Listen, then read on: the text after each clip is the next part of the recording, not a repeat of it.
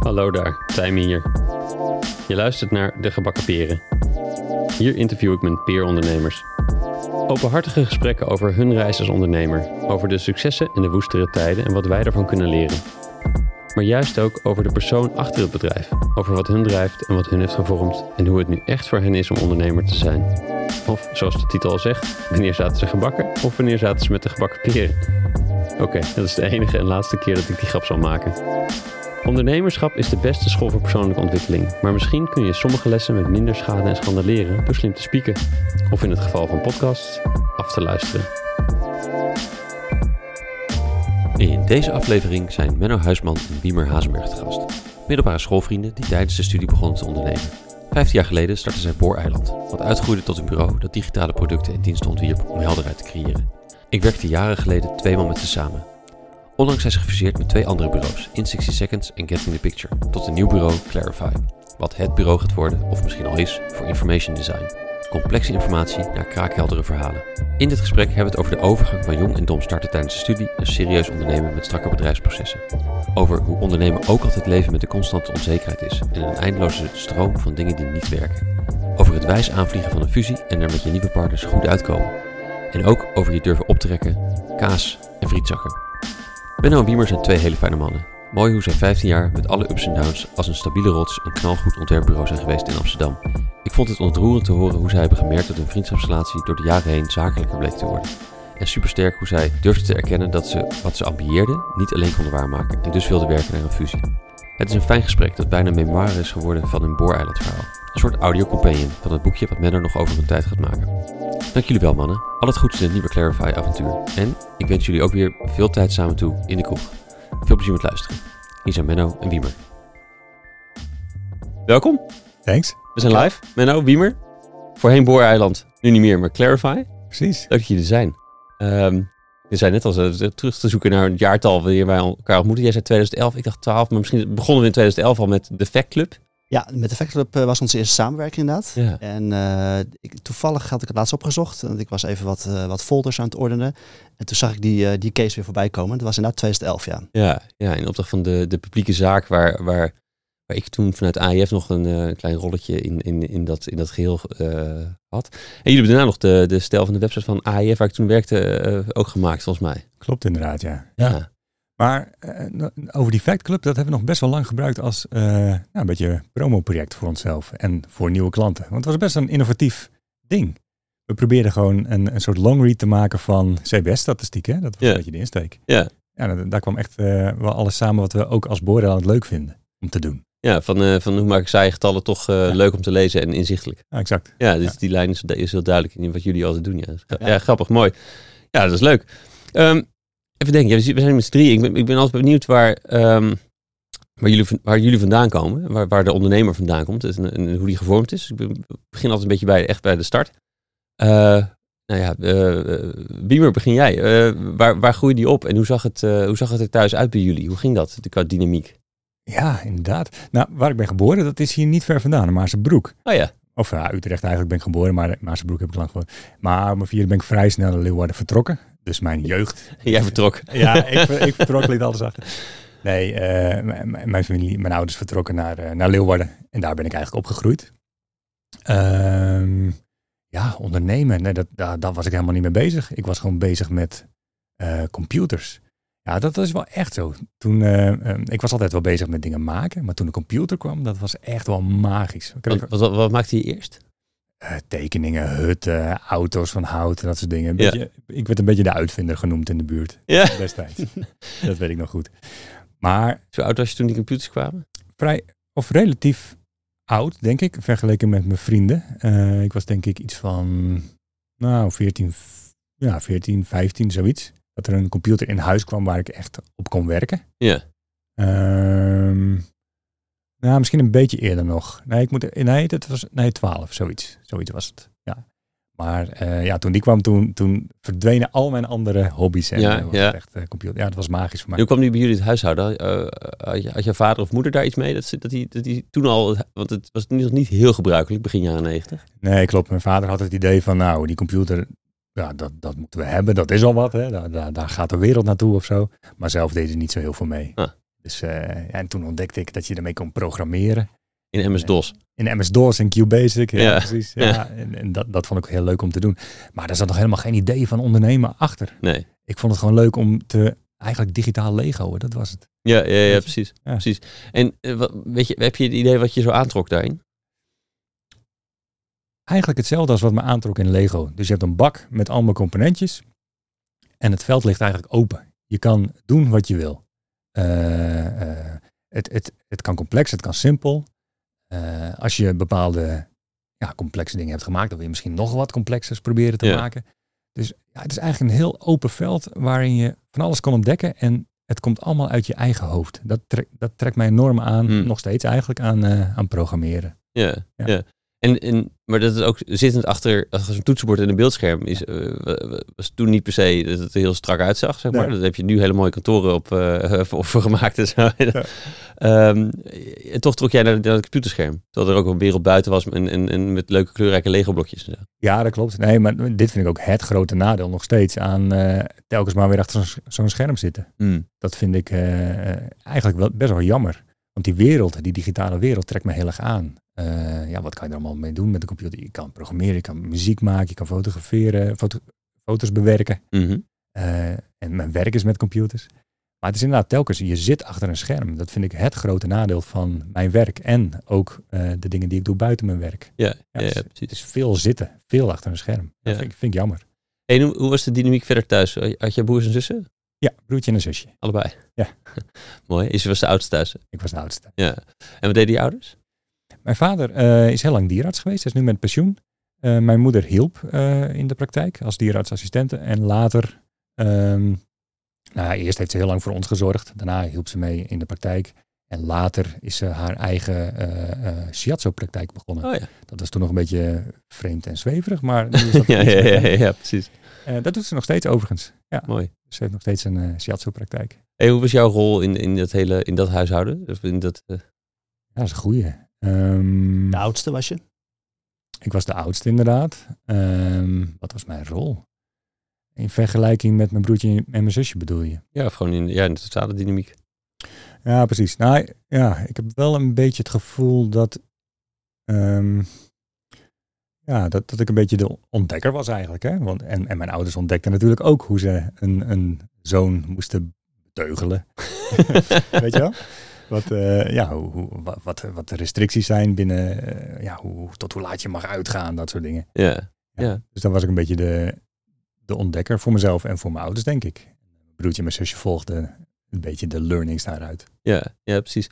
Ja, en, en je ging daarna, mij, als ik het goed lees, eh, gymnasium doen in, eh, in Leeuwarden dus. Ja. Eh, de school ging je, neem ik aan, dan goed af. Nou, ik was vrij lui hoor.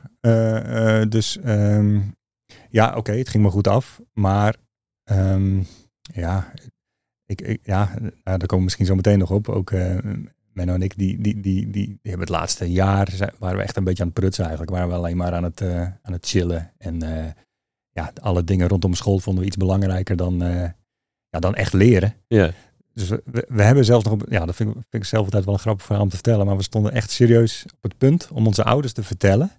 Zo van, jongens, eh, we hebben zo lopen prutsen dit laatste jaar. Eigenlijk willen we het jaar overnieuw doen. Het vijfde jaar, ja. Na het vijfde jaar was dat. Ja, precies. Ja. Maar ja, dat vonden we ook heel leuk, want, ja, die, die school, dat was echt een fantastische school. Eh, eh, kleinschalig, 400 à 500 mensen zaten Oh ja. erop. En buiten, dat, ja, buiten het feit dat, dat ik de lessen, nou de meeste lessen wel, wel leuk vond, de hele sfeer eromheen was gewoon heel erg eh, gezellig. Ik zeg altijd wel dat, dat, dat ik een soort van twee studententijden heb gehad. Een beetje op de middelbare school en, mijn- en mijn echte ja, studententijd ja, ja, precies. omdat we ook eh, eh, in die school mochten we ook zelf feesten organiseren. En daar waren dan geen leraren bij. Er stond beveiliging buiten, maar je mocht zelf helemaal feesten organiseren. Zelf eh DJ'en, de lichten. En dat was niet alleen één keer bij het eindexamen of zo? nee, nee, nee, nee, maar iets van maandelijks was Iedere zelf, maand. Ja. Iedere maand? hè? Iedere maand. Wat is dit voor club zeg? Ja, ja, het, was, het, het was echt een hele, hele fijne school. Ehm, Ze gaven, de docenten gaven ons heel veel verantwoordelijkheid. Ja. Dus ze gaven de, de, de, de organisatoren van het feest gewoon de sleutel, de, de sleutel van de school. Ja. Je moest zichzelf afsluiten. Dus dat was echt een hoop verantwoordelijkheid voor eh pikkies van 16, 17. Ja. Ja, dat was echt fantastisch. En, eh, En ik zit nu ook na te denken. eh, ja, daar, daar, kom- daar kwamen ook al allemaal dingetjes samen die we later met eh Booreiland hebben gedaan. Mm. Want je moest natuurlijk eh, posters moest je designen. Eh, ja, je moest een beetje met, met ja, techniek, met licht in de weer en zo. Ja. Eh, nou ja, goed. Menno zat in, de, in, de, in het bestuur van die feestclub. Ja, wacht even. Even een stapje terug voor Menno. Inderdaad. Hey, Ja. Hoi Menno. Hi, goedemiddag. En hey, hoe, hoe, hoe was dat bij jou thuis? Waar- waar- Woon jij wel al in Leeuwarden vanaf het begin of zijn jullie ook daarheen verhuisd? En, en, en hoe was het bij jullie Ja. thuis, de, de, Ja, nou, de dynamiek? een klein verschil tussen Wiemer en mij is, hij is buiten Friesland geboren en toen naar Friesland gegaan. Terwijl zijn ouders wel origineel Fries zijn. Ja, ja. Mijn ouders dan weer niet. Die komen uit de Randstad. Maar die zijn al voor mijn geboorte naar Friesland verhuisd. Dus ik ben wel geboren Fries in die zin. Eh, maar verder geen Fries bloed. Ja. Ehm, maar wel daar mijn hele jeugd eh, getoefd inderdaad. Ehm klein dorpje naast Leeuwarden geboren. Ehm, daar eh lagere school doorlopen en op de middelbare school eh Wiemer ontmoet. Ehm, nou, het klinkt alsof we een stel zijn, maar dat zijn we eigenlijk al basically wel. Ja, Ik dus vanaf elkaar mijn al twaalfde- eh, dik 20 jaar, ja. ja, ja, vanaf mijn twaalfde ken ik Wiemer. Ehm, en eh, ja, dat. En hoe was het bij jullie thuis? Ehm, nou, ik, ik heb een wat minder originele samenstelling van gezin. Mijn, mijn vader is eigenlijk op vroege leeftijd overleden. toen ik een jaartje of anderhalf, twee was. Oh, wauw. Hij was een eh, F-16-vlieger en helaas verongelukt. Eh, dus dat heeft wel impact gehad op, op het gezin, of in ieder geval Ja, mijn moeder. sowieso. Ehm, ik weet niet beter, in die zin dat ik me hem niet meer kan herinneren. Ehm, dus ik ben een hele lange tijd alleen met mijn moeder geweest. Ja. Ehm, totdat zij eh, op mijn eh, tiende, elfde een, een nieuwe persoon leerde kennen. en daar heeft ze inmiddels al eh 20, 30 jaar mee. En ja, dus dat is eigenlijk de nieuwe samenstelling van het gezin. Ja, ja, ja. Dus in die zin ben ik ook enigszins kind gebleven. Ja. Ehm, en, eh, maar daar nooit last van gehad. Ik heb altijd heel leuke vriendjes gehad en, eh, en eh, ja, daarmee gespeeld. Maar in die zin, ja, wat, wat minder klassieke samenstelling. Zeker, ja. En ik kan, me- ik kan me gelijk indenken dat het een hele aparte, of een andere band ook geeft met je moeder dan, dan, dan misschien andere mensen zouden hebben. Veel hechter misschien. Ja, ja al, al heb ik mezelf nooit anders of speciaal gevoeld. Ik kreeg op latere leeftijd ook wel vaak de vraag van, goh, maar was het dan minder gezellig als je geen broertjes of zusjes had? Ik heb altijd gezegd, nee, want je kan je juist niet, niet, niet aan ergeren. Je kan geen ruzie maken. Ja, ja, ja. Eh, als ik met vriendjes wilde spelen, ging ik gewoon naar hun toe. Of ze kwamen bij mij. Ehm, ja, de band met mijn moeder. Ja, ik, ik, die was hecht. Maar ik had niet de indruk dat die hechter was dan ik bij andere vriendjes zat. Misschien Nee. wel voor haar natuurlijk. Hè, want al- is- ik was dan de enige, het enige kind. Dus voor haar was het denk ik wel specialer. Ik wist niet beter. Voor mij was dat gewoon ja, tuurlijk. de normale gang van zaken. Ja, ja. En hoe- wat, wat voor kind was jij? Wat voor kind? Ja. Ehm, nou, ik was, ik was ehm, op jonge leeftijd wel aansturend al, zou ik kunnen zeggen. Ja? Ja, ja. Ik was. ehm, ik kan me nog herinneren dat ik veel, eh, veel Michael Jackson luisterde in die tijd. Oké, ja. Eh, en dat ik dat ook veel. Ik danste en zo ook als hem en dergelijke. En eh, ik kan me herinneren dat ik een aantal. Ja, dit, dit weet jij dan ook weer niet, Wim, want dit was nog echt een lagere school, basisschool. Ja, dat- ja ik leer Maar, hier ook eh, van alles uh, thuis. Alles komt erboven nu. Nee, dat, eh, dat ik een aantal keer een, een, eh, een, echt een opvoering, een uitvoering deed. eh, voor, eh, voor in, in, de, in de aula, voor de school. En dat ik daar ook allemaal vriendjes voor, of eh, eh, echt eh, klasgenootjes voor regelde. En dat die, nou, die moesten ook speciale moves doen en zo. En dan, want in die tijd had Michael Jackson een aantal van die clips. Zeker, waar ja. hij door gebouwen liep en dergelijke. En we speelden dat dan precies na. En ik kan me nog herinneren dat ik echt al die, al die kids aan het aansturen was. Van jij moet daar staan, jij moet daar staan, jij moet daarheen en daarheen. En eigenlijk heel, ja, of heel gek in ieder geval, opvallend voor die leeftijd. Maar voor mij voelde het heel normaal. Ja, ja, ja. Dus ik denk, dat- ik was wel in die zin wel, wel aansturend. Wil niet zeggen dat ik dominant was. Ik had, tenminste, ik had niet het idee dat ik nou heel dominant was in de klas. En dat ik me altijd wilde laten horen of zo. Maar je had wel een beeld van wat het moest zijn en dat, dat liet je Ja. dan horen. Ik denk, dat, dat zeg je denk ik goed. Ik had een duidelijk beeld van wat het moest zijn, ja. Ja. Ja. ja. Hey, en hoe hebben jullie elkaar nou op de middelbare school ontmoet? Ja, hoe hebben we elkaar... Nou, ehm, in de eerste, tweede, derde... Ja, eh, Onderbouw wat minder. eh, onderbouw wat minder, ja. Ik, ja, Maar dan- ik neem aan dat er één klas was. ja er, was, nou, er waren drie klassen, maar we zaten inderdaad in dezelfde klas. Ja. Eh, ja, we hadden allebei onze eigen vriendjes. Ehm, alleen, op een gegeven moment kwam de... Ja, ik, ik zelf vind wel echt de, de Rome-reis een... eh, een- De Rome-reis. Ja, de Rome-reis. Ja, god. het- Ja, het is een gymnasium, dan ga je naar Rome. Eh, ja, de- daar hebben we elkaar denk ik wel eh, echt wat beter leren kennen, zijn we wat meer naar elkaar toegetrokken. Was jullie ook in de vijfde? Eh, ja. Ja. ja. Dus drank en eh, feest. ja, de stad door eh, Ja. slenteren. Ja, ik weet niet of jij dat anders ziet, maar dat, dat zie ik een beetje als... eh, Ik denk alleen maar aan uh, citroenwodka. Ja, precies. Goedkoop. Wat je leert in Rome, toch? Wat je leert. Ja. Ja. Precies. En daar is het een beetje begonnen. Ik denk het wel, ja. Had, zat u, jij, zat, je zei net, jij zit in het bestuur van die, van die, van die feest, Ja.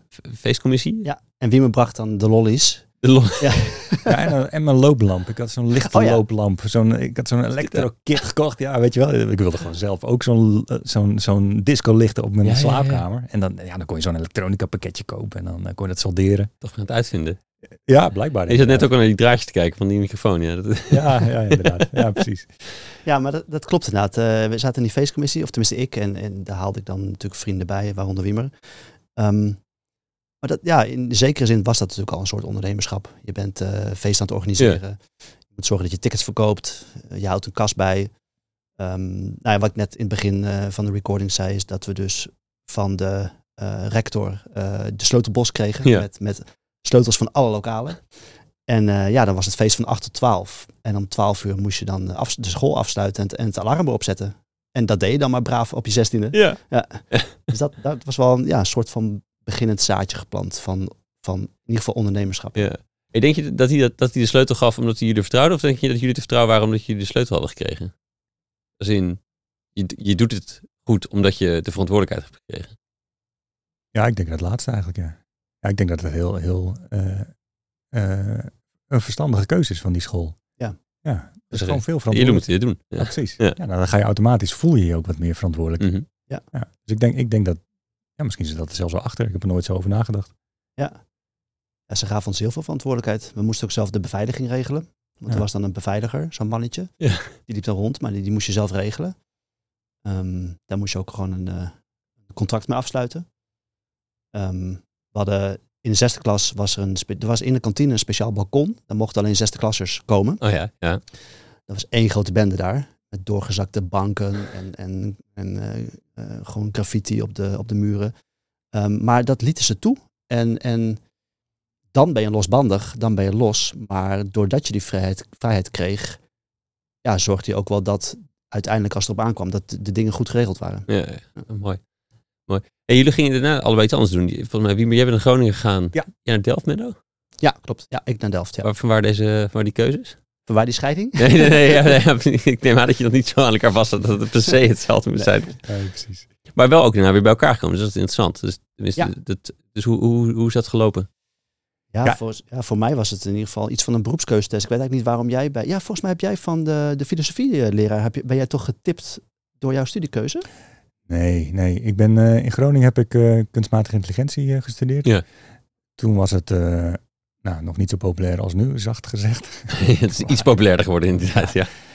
Twintig nerds in een zweterige hok, zeg maar, waar, toen ik begon. Dacht je, dat moet ik hebben. Ja, ja, dat moet ik hebben. Nee, ik dacht helemaal niet dat moet ik hebben. Ik, ik dacht dat ik wilde psychologie gaan doen.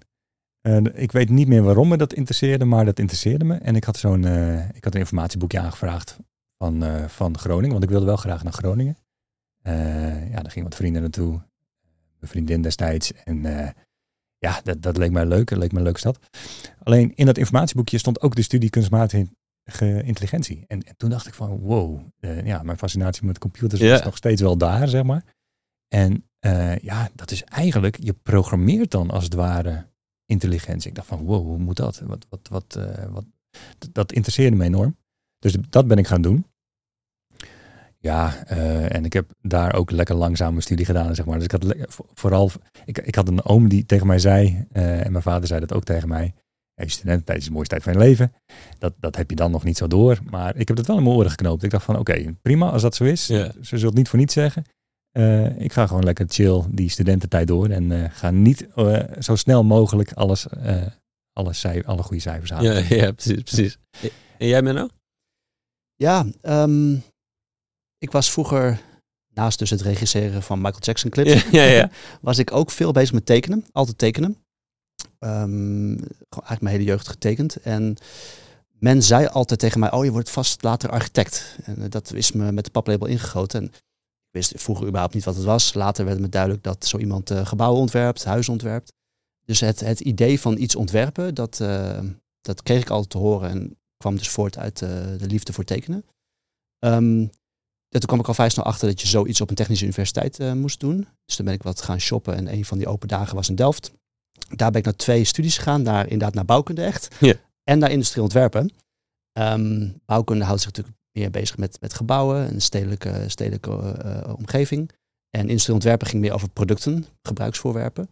Ehm, en eigenlijk was het, ik vond ze allebei even leuk. Het was bijna ieder mutte. Ehm, maar het, eh, het praatje wat gehouden werd bij industrieel ontwerpen werd door hele vrolijke dame verteld. Ja. Eh, een student, eh, een studenten, tweede, derde jaar studenten.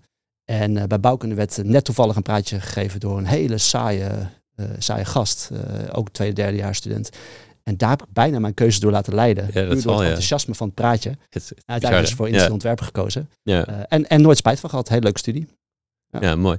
Hey, hoe, hoe kwamen jullie toch weer bij elkaar? Want ik zag dat je, dat je volgens mij in, tijdens de studententijd is, is, is, er, is er iets met Booreiland ontstaan. Hoe is dit, hoe is dit gegaan? Ja, dat kan ik wel vertellen. Dat, dat, dat, dat vind ik inderdaad wel leuk. Ehm, nee, we, we zijn elkaar altijd blijven zien. Dus eh, ik ging vaak naar Delft en ook, ik kwam vaak naar Groningen. Ehm, ja, zodoende hebben we ook ja, een beetje twee vriendengroepen gekregen eigenlijk. Eh, ja, die vrienden van Menno uit Delft, die denken nog steeds dat ik industrieel ontwerpen heb gestudeerd, omdat ik daar zo vaak was. Ja, ja, ja. Maar dat, dat was niet zo. Nee, op een gegeven moment... Het is niet per se om de hoek natuurlijk. Dus het is wel... nee, maar je had OV-kaart. Ja, dat is waar. Dat Dat maakt niet uit. Je gaat gewoon eh, lekker in die trein zitten en je, en je Je boemelt wel door. Ja, je boemelt door. Maar ehm, op een gegeven moment, nou ja, even kijken, dat is eh, denk ik ons vierde jaar in de studie of zo, hadden we bedacht, we hadden gewoon een clubje mensen om, om elkaar heen verzameld. En iedereen die kon wel wat. De een kon schilderen, de een kon muziek maken, eh, de ander kon weer filmen. Eh, en we besloten, wat kan, je nou, wat kan je nou doen met deze groep mensen? Wat, wat kunnen we nou samen doen? En we besloten om een film te gaan maken. Oké, ja. En eh, hebben in Delft opgenomen. Mhm. Eh, ja, wat een, eh, een eh, goede vriend die goed kon filmen, Elke Dekker. En eh, daarnaast hebben we allemaal eh, ja, mensen verzameld die dan, die dan dachten dat ze konden acteren, inclusief wij zelf. Ja. Eh, maar dat was zo leuk om te doen. Om gewoon een, een- nou, hoe lang heeft het geduurd? Een week, twee weken of zo? Ja, zoiets. Ja, van begin tot eind maandje denk ik. Ja, een maandje in totaal dan.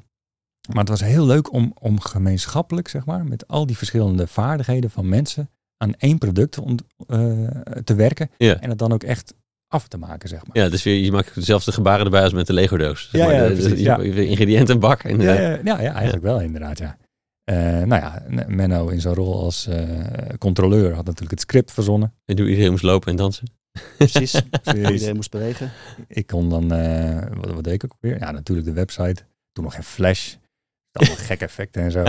Yes. Eh, nou ja, en, maar kijk, die film. eh, Oké, we hebben nog wat filmfestivalletjes hebben, zijn we afgegaan, maar het stelde niet zoveel voor. Het, het was niet kwalitatief of zo, maar het, was, het gaf mij wel echt een heel leuk gevoel om, ja, om zoiets te maken. Dat, dat is voor mij wel het zaadje geweest waar, wat, wat uiteindelijk heeft geleid tot het idee van: dit wil ik vaker, ik wil een bedrijf. Ja, ja. Geen idee waarin nog, maar ik, ik wil een bedrijf. Hadden jullie voor voorbeelden in het opgroeien? Van mensen die zelf hun, hun werk of, of bedrijven zelfs maakten? Nou, wat, wat ik pas me later heb gerealiseerd, waar wij in de tijd zelf nooit mee bezig zijn geweest, met dat onze eigen ouders, wat dat betreft, ondernemer waren. Zijn Wiemers vader was dierarts, Ja. had zijn eigen zaak, Ja. zaak aan huis.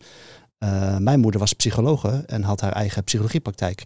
Dat is me eigenlijk pas later is me dat een beetje be- ben ik me daar bewust van geworden dat onze eigen ouders ondernemer waren. Ja, wat toch Maar- normaliseert dat het, eh, dat het ja, en, en, kan. en Ja. misschien krijg je dan toch in de tijd dat je nog bij je ouders woont mee dat hoe ondernemerschap gaat. En dat je ja, voor je eigen brood op de plank moet zorgen en, en, en dat er soms zaken onzeker zijn. Ehm, ik bedoel, ik heb het altijd goed gehad hoor thuis, maar in ieder geval ja, dat, je, dat je moet werken voor je geld en dat je daar ook eh, zelf je eigen keuzes in maakt. Dat is me denk ik allebei wel met de paplepel ingegoten. ja, die mindset echt heel erg. Niet- ja, die, een beetje die mindset, maar, maar Niet, onbewust. niet bij mij. Of, Nee? tenminste, ik heb, of tenminste, ik heb niet echt het idee dat, dat ik dat soort gesprekken vroeger heb gehad van, eh, eh, nou, je ik heb mijn eigen bedrijf als, als mijn vader dan. En, en, en je moet goed zelf voor je brood zorgen. Dat heb ik niet zo meegekregen. Nee, oké, dan verwoord ik het misschien niet goed, maar laat ik het anders zeggen. Ik heb wel eh, met toenmalige vriendinnen, heb ik het er wel eens over gehad. En die zeiden allemaal wel, hun ouders werkten gewoon bij, eh, bij bedrijven. En, en die vonden allemaal ondernemerschap maar een beetje eng, want het was onzeker. En nee, als je ergens gaat werken, dan, dan heb je gewoon een salaris en dan, dan wordt er voor je gezorgd, een pensioenopbouw en al dat soort zaken. Dat, dat werd wel besproken bij hun aan tafel, waardoor Ja. zij van tevoren al negatiever tegenover ondernemerschap stonden. Ja. En bij ons werd dat uiteraard niet besproken, want mijn ouders waren ondernemer. dus dus die, die, voor, die, die angst vooraf, die is, is er nooit geweest. Ja. Je zegt meervoud, zeg je ouders. Maar bedoel je ook de partner, de nieuwe Ja, partner van je, van je moeder ook? Ja, ja haar, haar nieuwe relatie zie ik echt als mijn ouders. Ja, Ja, nou ja, dat is enerzijds heel mooi. Ik was ook benieuwd of die dus ook eh, onderneemt. Dat hij ook zelfstallig was. Ja, dat was zelfs de ondernemer. Ah. Ja, en eh, daardoor is mijn moeder ook gaan ondernemen. Oh. En samen hebben ze ook een psychologiepraktijk gehad. Ah, wat grappig. Ja, ja. Oh, interessant. Ja, nee, en het, het kan dus in, in, in die gezin anders gaan natuurlijk. Hè. Dus, dus wat, eh, wat jij beschrijft, Menno, dat, dat, dat is wel mooi ook die, die, die nou ja, dus de instelling en gewoon wat is normaal en, en hoe kijk je naar dingen zelf vormgeven of, of, het, of de, en ook- en ook de onzekere kant ervan. Ja. Dat is gewoon kennelijk eh, part of the deal of zo. Ja, dat Niet was iets eigenlijk engs. normaal. Ja. Ja. Ja. Maar bij jou in de omgeving dus minder wiemer. Ja, minder inderdaad. Nee, het, enige wat ik me kan herinneren, dat mijn vader altijd zei, van, ja jongen, je moet altijd goed sparen. En ik was helemaal niet bezig met sparen. Dus dus dat, dat, ja, dat is wat ik heb meegekregen daar, daarvan. Ik kan me nog wel herinneren, ehm, en dat vond ik ook wel in die zin heel fascinerend. Ik had een, ehm, toen ik nog bij mijn ouders woonde, dus voordat ik ging studeren, eh, hadden wij een overbuurman. En die, eh, die was grafisch ontwerper. Oh ja. Eh, en die, die heeft echt, ehm, ja, die, als, ik ging wel eens bij hem op bezoek. Ik leende heel vaak, eh, geen idee, Suske en Wiskers van hem. Of zo. Oh nee, Guus de Vlater was het, ja. Die, is- dat- die komt vaker terug in deze aflevering. Ja, dat, is ja, ook, zo? dat is ook mijn favoriet. Niet dat ik hem altijd inbreng, maar het is leuk dat er meer mensen fan zijn van geslacht. Ja, Guus de Vlater, echt. En die Marsupilami en zo. En Rob. ja, ja. Ja, echt fantastisch. Dat heb ik allemaal aan die, eh, aan die overbuurman te danken. Maar hij was Maar ook dus die luie kantoorcultuur dus. Van, je je zegt een beetje lui bent en zo, dat komt daar Ja. natuurlijk ook vandaan. Ja, Dus- dat zal erbij. Ja, nee. zal me aan, het zal me aan hebben gesproken natuurlijk. Ja, ja precies. Maar ehm, ehm, nee, die man die was grafisch ontwerper. En eh, eh, als je dan bij hem op bezoek eh, kwam, dan zag je allemaal... Ja, dat kende ik niet van, van huis uit. Maar je, je zag daar allemaal vreemde objecten, een beetje kunst. Hij had een hele grote stationsklok of zo, wat hij midden in zijn woonkamer. ja. En hij heeft wel eens wat laten zien wat, wat zijn werk dan was. Ik wist helemaal niet wat een grafisch ontwerper was. Maar ja, hij deed nog met papier. Dus hij had echt ja, zo'n Stanley mesh. En hij zat allemaal vormen uit te knippen. En eh, ja, hij allemaal logo's van, van ja, bekende eh, bedrijven in Leeuwarden gemaakt. ja. En dat vond ik toch wel eh, ja, heel interessant. Dus, dus daar, ik denk, het, het valt me ook nu te binnen hoor. Maar ik denk dat dat ook nog wel een soort zaadje is geweest ergens. Ja, dan zit ik in een, zo meteen komen, daar komen we misschien zo meteen wel op, maar dat is een soort van industrieontwerp en, en programmeren Ja. is nog niet per se esthetiek. Hoe ziet het er mooi uit? En dat hebben jullie in jullie huidige werk, of in ieder geval de, de, de, vanaf tien jaar daarna, nadat jullie starten, toen ik jullie tegenkwam, zeg maar.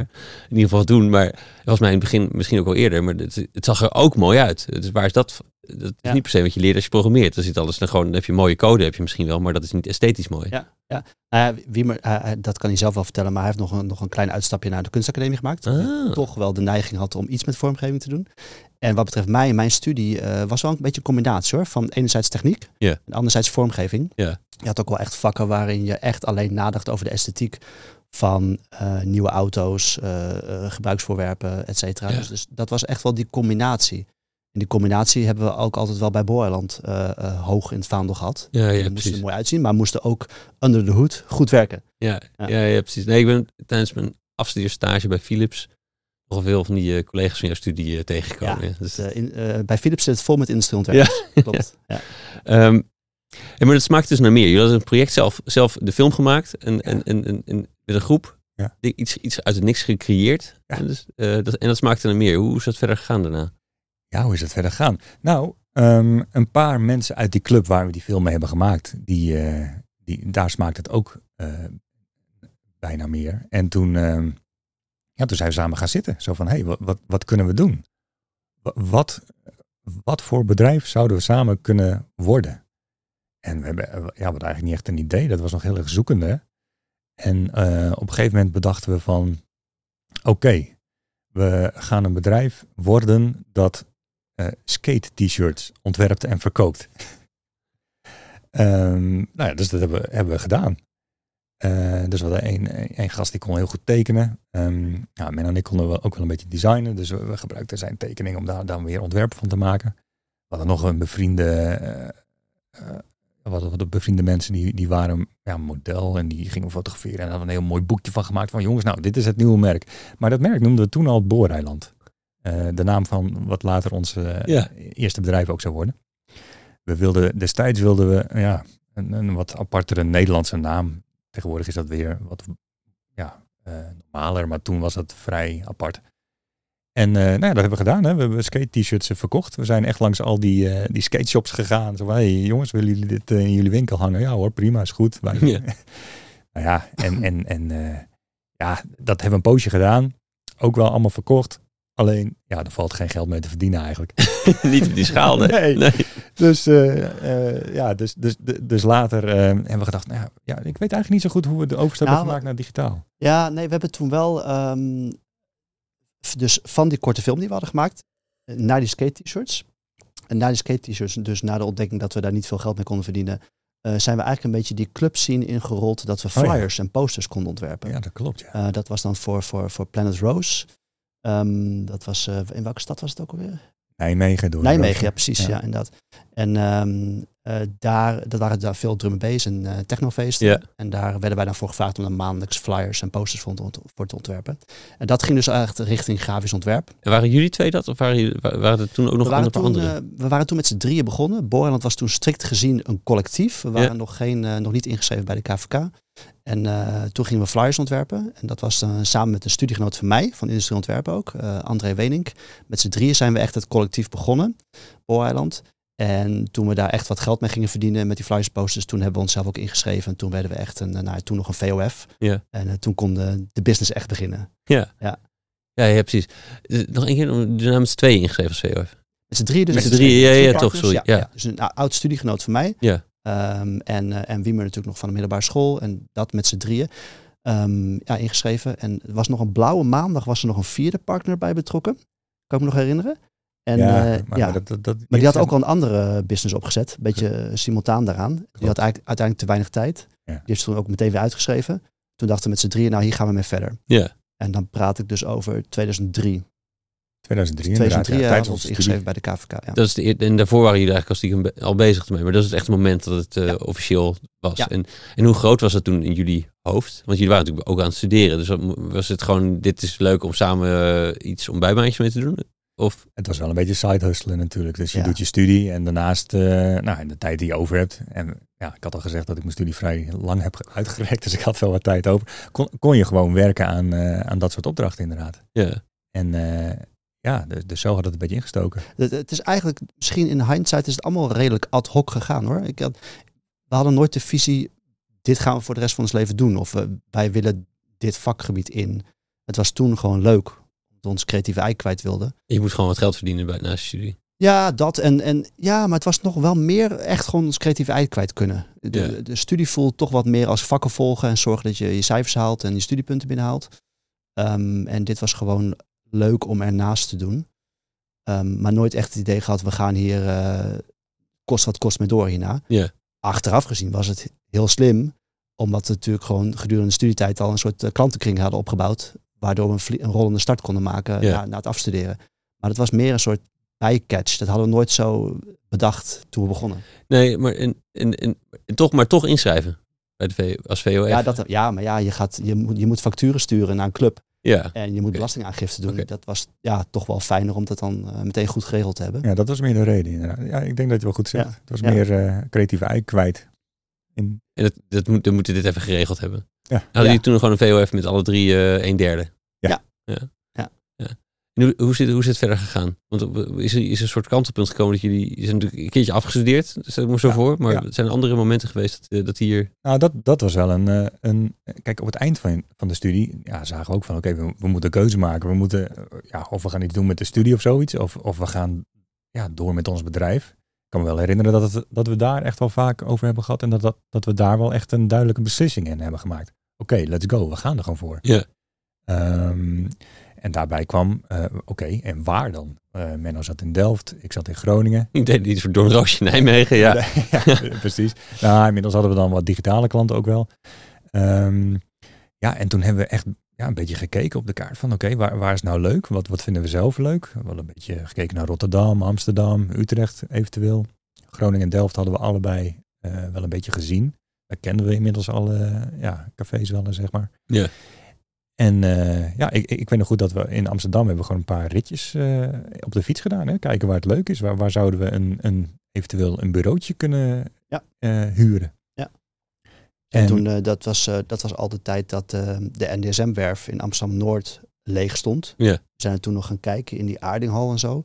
Ehm, we hoorden wel roddels dat daar eh, kunstenaars zouden gaan komen en dat daar van die containerdingen zouden komen.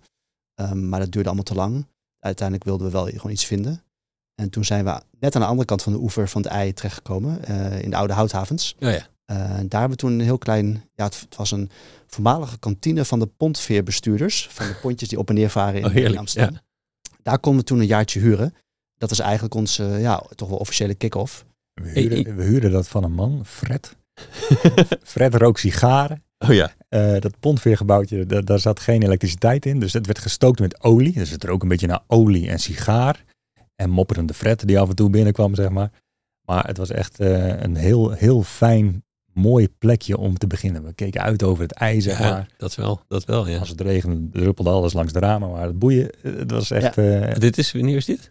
eh, 2000, ja, na onze studie. Dit eh, was eh, 2008. ja. Jullie hebben dus allebei wel synchroon lang over je studie gedaan. Blijkbaar, synchroon lang over ons Ja, studie gedaan. ja, Allebei maar- 7,5 jaar. Het had toch een ongemakkelijk punt kunnen zijn dat de ene klaar is. Ik Ja, moet, ik moet Ja. iets doen en, en eh, de andere nog niet, zeg maar. En, de, en nummer drie? Ja, nummer drie eh, heeft, heeft er ook eh, 7,5 jaar over gedaan. ja. En eh, dat is andere inderdaad. En die eh, is toen, eh, daarmee is, we zijn met z'n drie ook naar dat pontveergebouwtje Ja. gegaan in Amsterdam. Maar hij was wel de eerste die wegging eh, binnen, ja, na een jaartje ongeveer. Dus twee- begin 2009 is hij eh, vertrokken. Ehm, hij koos meer eh, de, eh, de educatieve wereld. Hij is toen Mm. een PhD gaan doen. Ook terug verhuisd naar, naar Rotterdam. Is echt meer naar, naar Zuid-Holland. En hij is daar toen een PhD gaan doen en, en is zodaan, zodoende in, die, in de educatieve wereld beland. Inmiddels is hij wel weer terug in het ondernemerschap en heeft hij een ander eigen bedrijf. Oh ja. Maar dat is pas zoveel jaar na, na, na dato. Eh, maar toen hij wegging in, eh, in 2009, toen, ja, toen hebben Wim en ik, ik kan me ook nog herinneren, toen hadden we een soort van snelle print-out gemaakt van willen we met z'n tweeën door, ja of nee, ja. En toen hebben we daar allebei onze handtekening onder gezet van oké, het is in ieder geval duidelijk, wij willen met z'n tweeën door.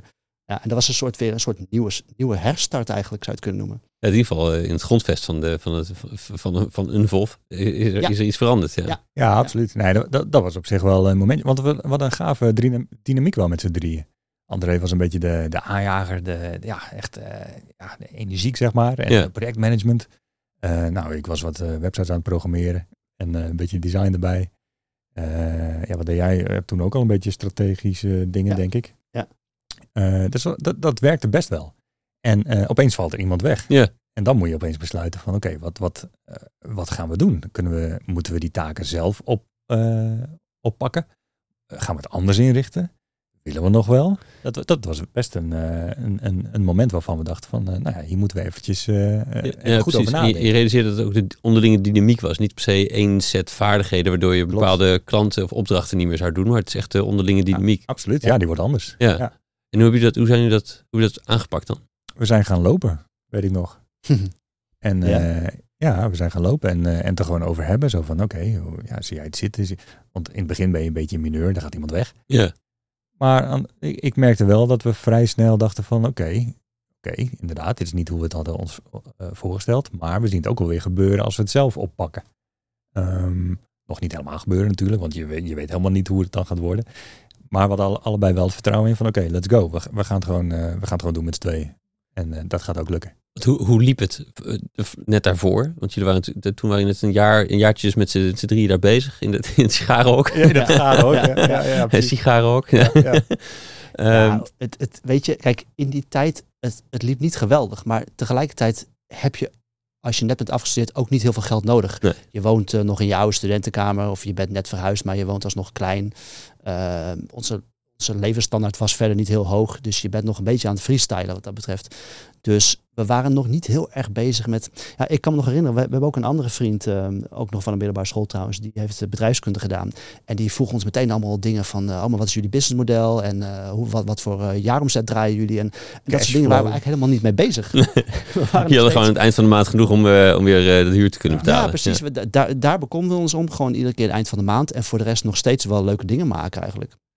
Um, Als je niet van nodig hebt, dan is bijna ook al je omzet je hebt niet zoveel uitgaven, want dit, dit, dit hockey klonk niet alsof het heel duur was. Nee, en, en, en, en, misschien dus computers en zo. Maar uh, dat is bijna alles wat je factureert, is bijna ook gewoon uit te geven. Netto, omdat die belasting is ook niks. Ja. Uh, dus dat... In het begin wel, maar ja, kijk, we wilden wel meer. Dus op een gegeven moment kwam er iemand bij die echt medewerker was. Ja, ja dat was wel vrij snel daarna, kan ik me herinneren. Ja. Want het was uh, ook in 2009. Toen hebben we wel meteen de keuze gemaakt van we hebben een developer nodig. Ja.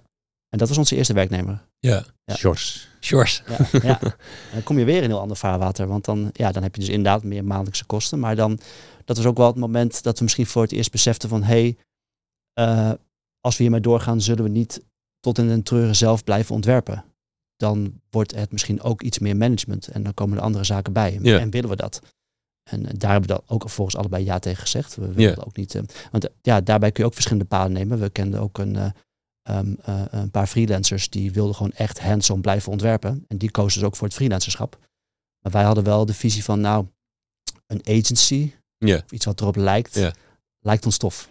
Ja, dus je had, je had ervoor denk ik, nou, dus ik stel me zo voor dat je, dat je 40, 50.000 euro omzet, omdat je allemaal niet zoveel nodig hebt. Een paar, een paar tiental projecten per jaar van 4, 5, 6.000 euro, zoiets. Zo, Mhm. Ja, zo, ja, geen idee. Maar een medewerker erbij die je het hele jaar door betaalt, is Ja. opeens dat verdubbelt in één keer Ja. door de nodige omzet. Dus het maakt opeens een, eh, je moet je opeens met z'n tweeën je, je hoeveelheid omzet, eh, afzet ook ver- Ja. vergroten. Ja, dat klopt. Ja. Eh, en buiten dat heb je gewoon verantwoordelijkheid ook. Ja. Ja. ja, die. Ja. Het heeft ook niet lang geduurd hoor. Die werknemer heeft iets van anderhalf jaar bij ons gewerkt. En toen is hij zelf vertrokken. En eh, die wilde ook gewoon in een andere soortige omgeving werken. Even goede vrienden, maar die, uiteindelijk is hij echt bij een grote organisatie gaan werken. Ehm, ja, en vlak daarna eh, hebben we een afstudeerder aangenomen. Ehm, Maar, ja, toen, maar we- nu praat je wel over tijd dat we alweer zijn verhuisd naar een wat eh, professionele Ja, kantoor. ja, klopt. Is dat die weer wel, wel in Noordweer? Waar Ja, die ja, ook zaten we in ja, Noord. Ja, die, die ken jij inderdaad. Ja, ja, met het glazen hok in het midden. klopt. Ja. Ja. Die enorme voor thuis. Ja. Een enorme fortuin. Ja. Ja. Nee, ja. nee, maar dus, dus, er is dus een proces geweest dat jullie van het bij elkaar harken van opdrachten om gewoon genoeg om te zetten met z'n tweeën, daarvoor drie, eh, naar oké, we, worden, we worden een agency. Dat- En dat, dat is dus een, een, om- een mentale omslag geweest van nee, oké, we gaan dus niet alles, alles meer zelf doen. Eh, we hebben dus ook de manager zometeen. Mhm. Eh, maar ook naar eh, hoe, hoe ga ik dan, hoe, hoe voor vier, vijfvoudig ik mijn omzet opeens. Ja, Ja. dat klopt inderdaad. Hoe zijn jullie daarmee omgegaan? Ja, aannemen, dat neemt dus die verantwoordelijkheid met zich mee. Dus je moet. Nou, Ja, qua, qua, qua rolverdeling eh, is inderdaad Menno is wat meer die managementkant eh opgegaan. Eh, eh, de- de- ja, dus die rol heb jij wat meer Ja. op je genomen. De, de, over hoe is dat gegaan qua omzet? Ik, eigenlijk, in mijn, in mijn herinnering is het heel geleidelijk gegaan. Ik, Ja. kan, ik kan me alleen nog wel, du- dus niet, zo, e- niet eens echt zo bij nagedacht, zeg maar. Eh, ik kan me nog wel herinneren dat, en daarom zei ik dat ook, dat we zijn verhuisd. We zijn verhuisd naar een kantoor wat veel te groot was voor ons. Eh, daar zijn we eerst samen in, met, de anderen in gaan zitten. Ehm, eh, maar ja, ook ons deel wat we dan nog over hadden was alsnog veel te groot voor ons. Maar daar weet ik nog heel goed van dat we die keuze hadden gemaakt van oké, eh, ja, fuck it, we doen het gewoon. En dan, en dan zien we wel of, het- of het lukt. Ja. Het is best wel een beetje risico nemen, zeg maar eigenlijk. Eh, alleen, ja, het is gebleken dat je dan ook blijkbaar iets, dat er iets verandert in je hoofd of zo. Dat, dat je ook wat professioneler moet gaan werken. Ja, dat is echt een belangrijk punt. We hebben dat nu een stuk of drie keer gehad, denk ik, Ja. in, in onze business carrière. Ja. Dat we net even iets moesten overstretchen Hm. om weer een stap verder te komen. En dat is eventjes benauwd worden. Maar vervolgens inderdaad, er verandert mentaal iets in je hoofd, waardoor je daarna weer serieuzer wordt en er nog harder aan gaat trekken. En vervolgens gaat het daarna weer beter. Ja. Dus dat overstretchen, dat heb je af en toe nodig om een stap verder te komen. Beetje de je? goudvis in de, de vissenkom. Ja, zoiets, ja. Ja. Dus dat is niet het mentale aspect, maar dan is er weer meer ruimte en dan kan hij weer groeien. Ja. En wat had je hier te, te overwinnen dan? In, in deze fase? Beetje durf wel. Gewoon Wat, op wat voor gebied? Eh, we gaan het wel cheffen. Het idee van er komt wel genoeg binnen om, eh, om daarvan te leven en om mensen uit te betalen. Ehm, ja, gewoon de, de, de durf om die stap te zetten. Dat, dat, hadden we, dat moesten we overwinnen, denk ik. Ja, dat klopt, ja. Alleen ik was, ja, ja god, je bent ook gewoon best wel jong en dom. Dus je doet Ja. het ook gewoon, of zoiets. Ja. en dat was achteraf natuurlijk ook heel fijn. Hè? Want ik heb ook zo vaak mensen gesproken die, die eerst een aantal jaar ergens gingen werken. En die zeiden, ja, ik wil eigenlijk wel ondernemen. Maar dat is er nooit van gekomen. Ja. Want op een gegeven moment zitten ze comfortabel ergens. En dan wordt het risico alleen maar groter. En dan op een gegeven moment krijg je kinderen, hypotheek, al dat soort zaken. Wij zijn natuurlijk heel jong begonnen en, en hebben al die fouten doorlopen. Maar dat heeft ons ook wel weer in zekere zin gered. Dat juist omdat we zo vroeg begonnen zijn, hebben we iets kunnen opbouwen. Ja, ja, ja, precies wat je ook zei. het- het- Er was al een klantenbestand toen jullie afgestudeerd waren. En Ja, daarvoor, ja, in, precies. in die Ja. tijd, in, in ook de tijd daarna heb je niet, gewoon niet zo denderend veel Klopt. nodig. Klopt. Maar Ja. ik denk, ik denk want, want het is zo grappig dat jij er nu naar vraagt. Ik denk dat ik pas voor het eerst gewoon onze jaarbegroting, weet je wel, op een gegeven moment begon ik met van die Excel-bestanden met, oké, wat is nou precies de prognose? Dat zijn we denk ik pas vanaf 2014 of zo een beetje gaan bijhouden. Ja. Dus in die jaren tussen 2010 en 14 was het nog steeds, het was natuurlijk wel, wel, wel, wel business doen, sales doen, ehm eh, eerste personeel uitbetalen, maar echt een gedegen jaarprognose. Ja. Dat zijn we echt pas gaan, gaan, gaan echt officieel gaan bijhouden sinds 2014 eigenlijk. Ja, nou, en ik, herinner me, dus, eh, wat we net over hadden, dat ik bij jullie op kantoor was in 2011, 12. Dat, dat, toen liepen daar al allerlei eh, figuren rond die toch echt op die echt betaald werden Ja, Dus je had zo, toch ja. wel wat. Je had daar net wel die verantwoordelijkheid. Je zegt net ook, het is een verantwoordelijkheid om die te moeten betalen. Ja. Eh, er zit dus nog een paar jaar tussen voordat je dat ook zo. Nou ja, wat is het? Qua management eh, gaat inrichten en zo. Ja, het is altijd zo, weet je, als je je, je eigen huis hebt gebouwd, dan weet je pas hoe, hoe het is om huis te bouwen. Als we nu opnieuw zouden beginnen, zou het heel anders aanpakken natuurlijk. Ja. Maar ja, het is ook wel weer leuk om die hele aanloop zo te hebben meegemaakt. En vooral in al die pitfalls te vallen waar we in zijn gevallen. Dan weet je in ieder geval hoe het beter moet. ja. Hey, wat een andere valkuil is, waar ik, of in ieder geval een uitdaging is er veel. Nou, in het vak van freelancers, ofwel dat of een agency willen worden, is dat het, dat het ik- als, als persoon, ik ben gewoon de ontwerper en ik ben goed en ik heb een merk om mezelf, dan kan je, verkoop je dat, maar dan moet je het wel zelf gaan doen. In het begin, jullie hadden al gelijk een andere naam. Jullie waren eerst met z'n drieën, toen met z'n tweeën. En, eh, dus dus er was een merk, Booreiland. Ja. Maar dat hangt in de verkoop, neem ik aan, in het begin wel heel erg nog aan. Ja, jullie komen met z'n tweeën langs, gaan jullie dit ook doen? En later moet je dan zeggen, nee, we gaan het niet zelf doen. We hebben andere mensen, we hebben een Booreiland methodiek of iets dergelijks. Hoe hebben jullie daar dat ook wel als een net zo, nou, net zo kwalitatief product weten neer te zetten? Ja, dat heb ik eigenlijk nooit ervaren als een, eh, probleem, moet ik eerlijk zeggen. Ook niet. Nee. Eh, nee, we we konden het inderdaad wel eh, verkopen, maar, maar, maar we wisten ook wel goed mensen uit te leggen van oké, zo willen we het graag hebben. Eh, hier en hier moet je op letten. Ja. Dit en dit is belangrijk. En in die zin, over de jaren heen, eh, ja, had dat Booreiland een merkje, had ook wel een soort, ja, soort, soort stempel gekregen, zeg maar. Mm. Een designstempel. Ehm, ja, nee, dat, ik heb dat nooit ervaren als dat wij iets verkochten en dat wij ons dan in bochten moesten wringen om het anderen te laten doen of zo. Nee, Het was wel echt Nee. Ja. Ja. het klopt. En het had ook niet... Ik, ik, ik heb in die tijd heb ik wel eens af en toe aan mensen gevraagd of we nou een bepaalde signature hadden. Van heeft, heeft ons werk een bepaalde handtekening? En toen, zei, ze- toen gaven mensen daar wel antwoorden op. Van ja, het is altijd strak, eh, minimaal. ehm, nou, het had, had bepaalde termen, dus men zag wel dat het Booreilandwerk was. Dus kennelijk was dat wel het DNA wat we konden overgeven aan ons personeel. Ja. Ehm, maar tegelijkertijd heb ik ook altijd gezegd, en dat begreep ik klant ook altijd, ja, wij, wij, wij verschillen fundamenteel van bijvoorbeeld kunstenaars. Kijk, een, een, een kunstenaar maakt vanuit zijn eigen overweging, zijn eigen emotie een bepaald werk. En er zit een hele duidelijke signature in. Ja. Wij zijn ontwerpers. En dus je bent bezig met een klantvraag. eh, het is commercieel ingestoken. Ja. Ehm, je maakt iets wat past bij de klant. Dus idealiter zit er juist minder signature in van onszelf. En daardoor was het misschien ook makkelijker om het juist over te dragen aan, eh, aan uitvoerend personeel. Ja. En hier hoor je bij eh, men ook al een beetje die, dat proces terugkomen, zeg maar. Ja. En het is misschien leuk om uit te leggen dat bij industrieontwerpen leer je heel erg goed designprocessen. Ja. De meeste mensen, als je vraagt van wat is design, die, die, die zien het als iets magisch of zo. Je, ja, je bent een soort kunstenaar en eh, je krijgt inspiratie en Ja. je, je, je zet iets op papier of op scherm. Alleen bij industrieontwerpen heeft men echt geleerd van ja, oké, dat kan je ook in een procesvorm eh, vormgeven. En daarmee haal je de onzekerheden, zeg maar, en dat, dat magische. eh, nou, een beetje, een beetje, je maakt het wat voorspelbaarder, wat gestructureerder. En, en, en, en die processen die hebben we altijd heel erg, nou ja, in een andere variant dan, maar min of meer hetzelfde, toegepast in ons eigen bureau. Eh, en daarom is men ook altijd zo, zo ja, eh, ja, is dat zijn rol geweest. eh, hij, hij, hij, beheert gewoon het proces van een website of een digitaal uiting. En ja, dat werkt heel, heel, heel prettig, moet ik eerlijk zeggen. Een andere uitdaging die ik wel vaker hoor ook, is dat, dat je eerst dat je, je hebt wat binnen te halen en je hebt het gewoon te doen daarna. Ja. En, en, en, en, dan krijg je mensen erbij, dan heb je die ook nog aan te sturen. Je hebt er twee keer zoveel binnen te halen en je hebt waarschijnlijk ook nog steeds zelf werk te doen. Ja. Eh, dus hoe hebben jullie dat gebolwerkt? En je hebt, je hebt dus in de eerste paar medewerkers leveren, leveren eigenlijk twee keer zoveel werk uit te voeren werk op voor jezelf. Ja, Hoe- dat, hoe- dat klopt. Ehm, Hoe ging dat in die tijd? Rommelig. Ja. ja, dat ging rommelig. En het is trouwens nog steeds actueel een uitdaging. Ja. Voor jou bijvoorbeeld. Ja. Eh, zoals je misschien wel weet, eh, zijn developers schaars. Ja. Eh, zeker in de, in de markt waarin we, waarin we nu zitten, de economie waarin we nu zitten.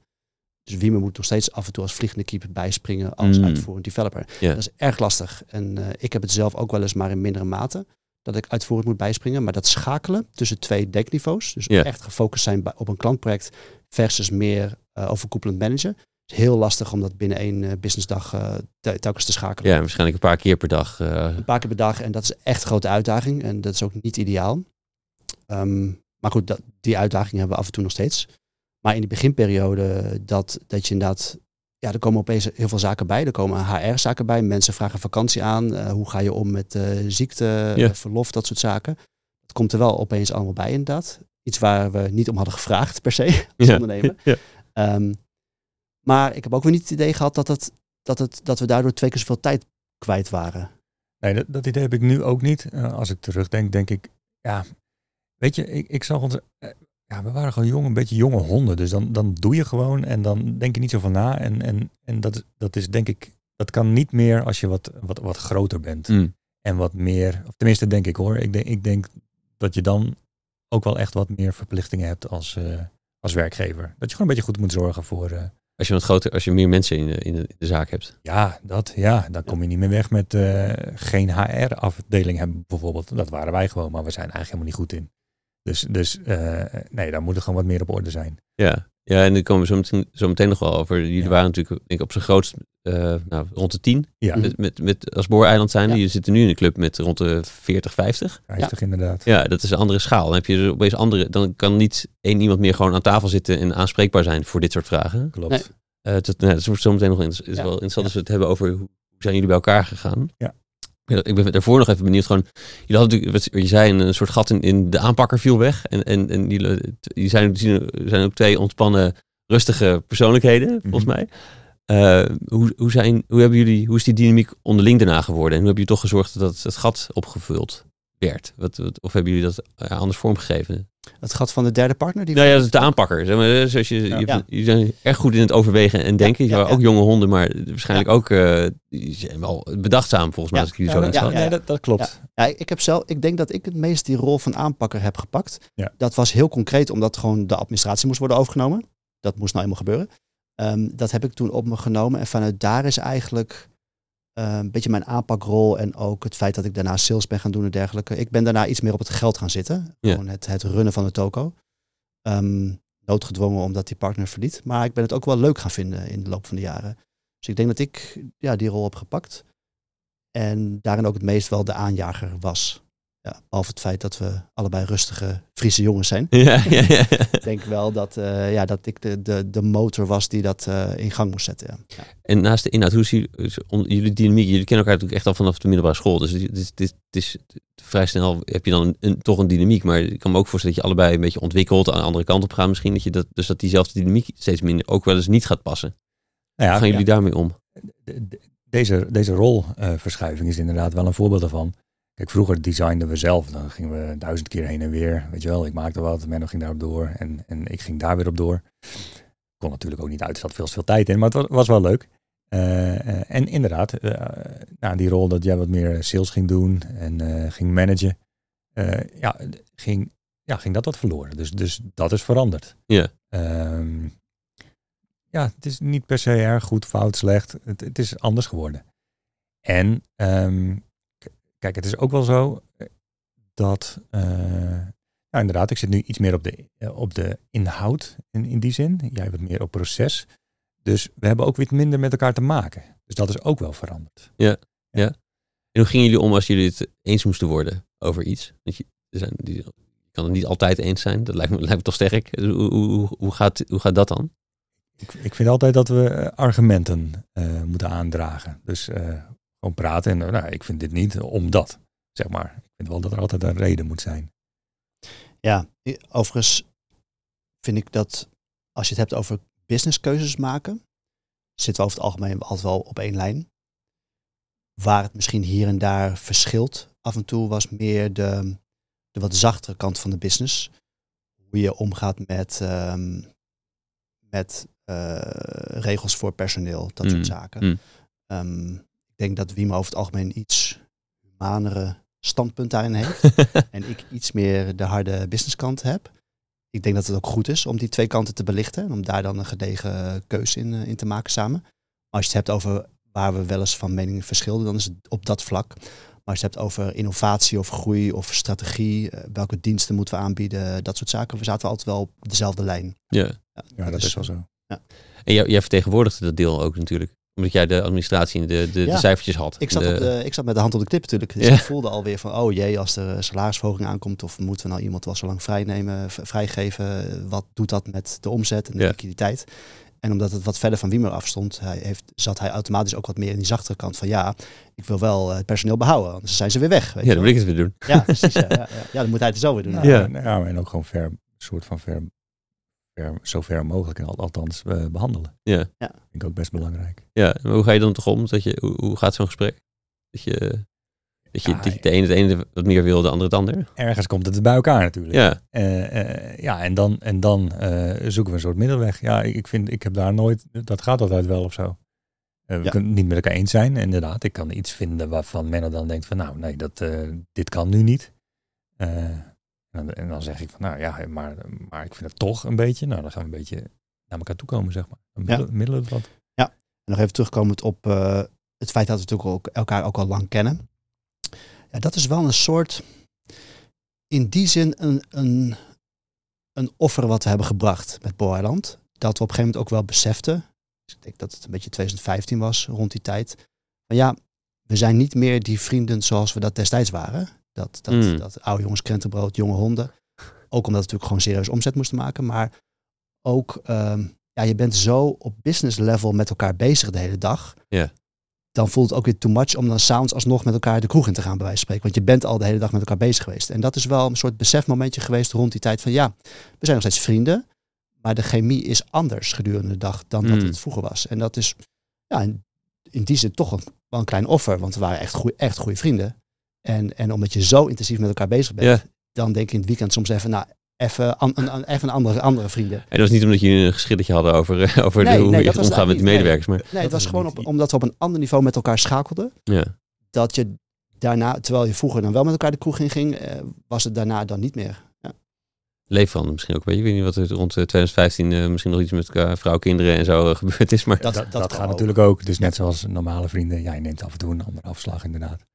En dan kan je bij elkaar komen of wat verder van elkaar af. Maar het klopt wat Menno zegt inderdaad. Mm. We zien elkaar eh, elke dag. ja. En eh, ja, dan heb je s'avonds weer wel eens wat lucht.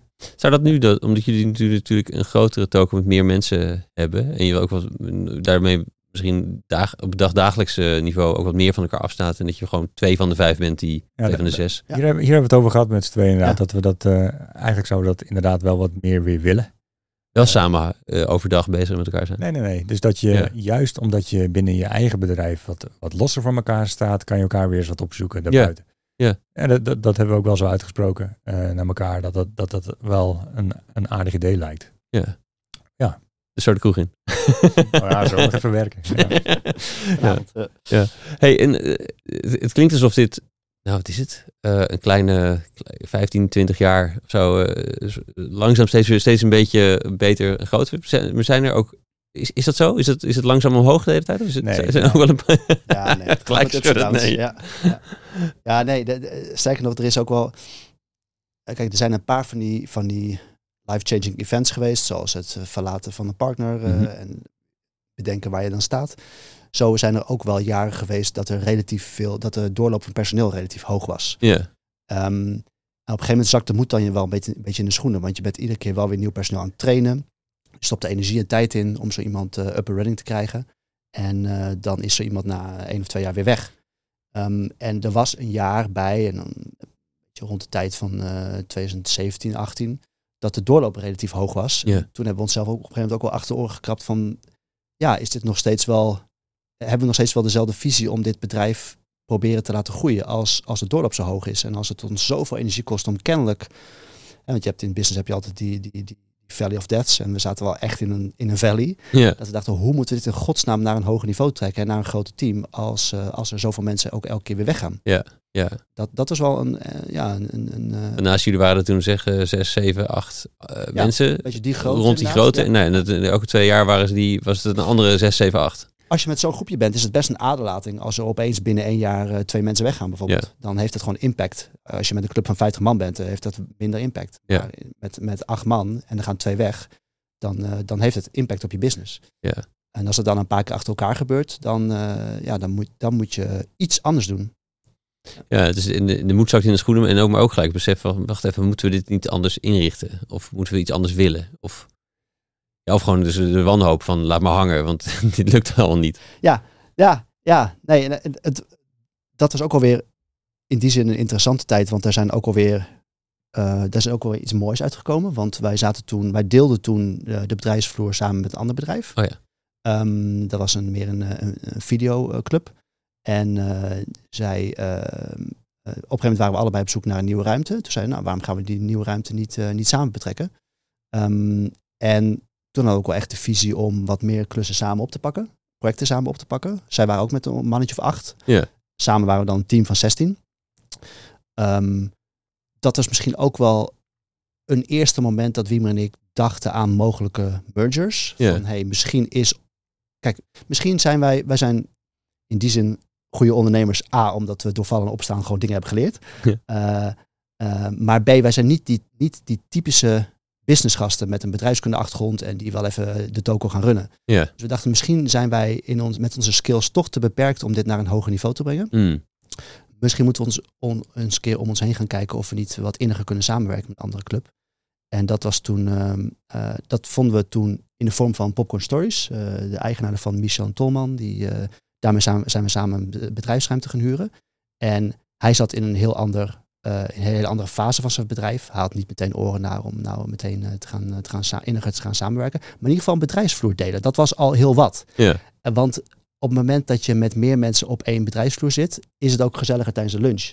En uh, voelen mensen zich ook opgewekter. Hebben ze verschillende onderwerpen om met elkaar over te praten dan Ja, elke keer ja, hetzelfde ja, clubje van zes man. Ja, ja. Dus alleen al delen, delen van de bedrijfsvloer was een mogelijke oplossing om in ieder geval ja, het personeel meer naar hun zin uh, te maken. En hoe, hoe zijn jullie toch weer opgekrabbeld in, na die, nadat dat, dat je toch het moment had van weer zo iemand die weggaat, weer iemand die weggaat? En, en, want die, Ja, die- dit, dit, dit, dit zijn van die fases inderdaad. En, en, en eh, op zich, en, en daarvoor had het ook wel eens meegemaakt. Het zijn van die golven inderdaad.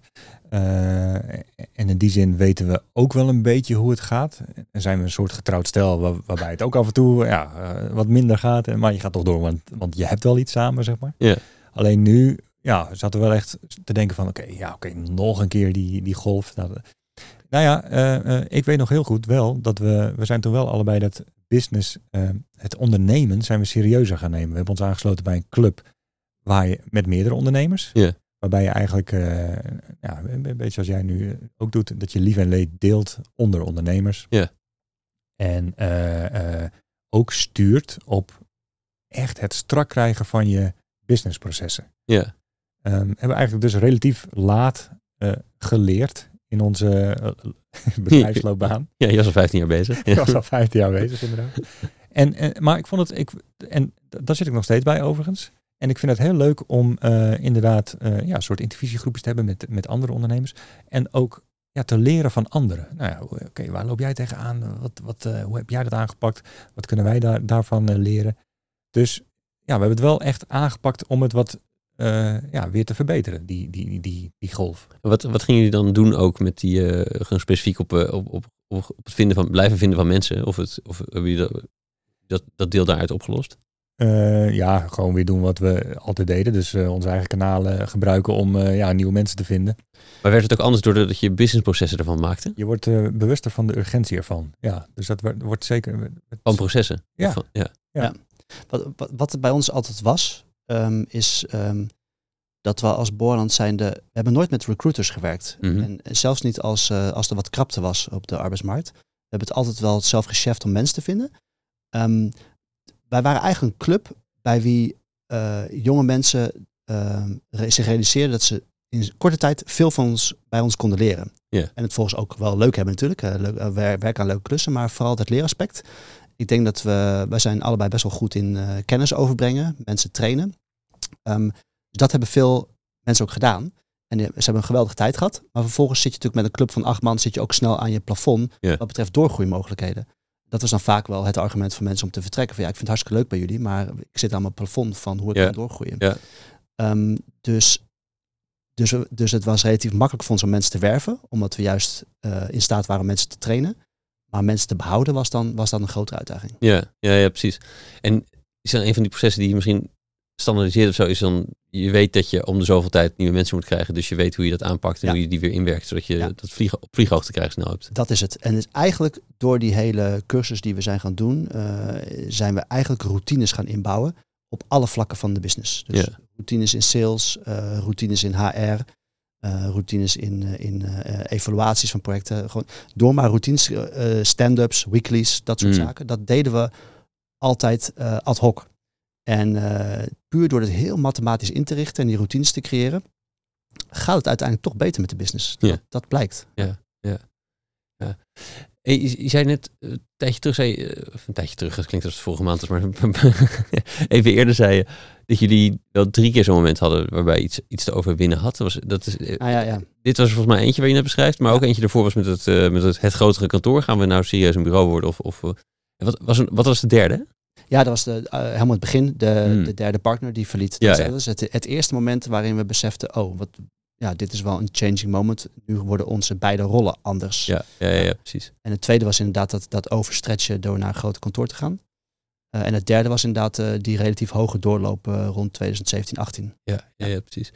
Hey, en hoe, dus dat, en je zei ook, dat toen kwam de, ehm, voor het eerst kwam er een moment dat je dacht, ah, misschien is zoiets samen gaan wel interessant. Wat, wat trok jullie nog meer zo aan daarin? Dat je, dat je We wilden eigenlijk wat meer dan wat we... Kijk, we, we, we hadden... Nou ja, wat je, we waren 15 jaar bezig. Eh, leuk bureau.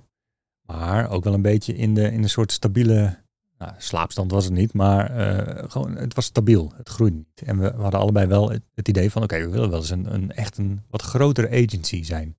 Vanaf het begin hadden we dat eigenlijk altijd al wel in gedachten. Ehm, ja, dus eigenlijk...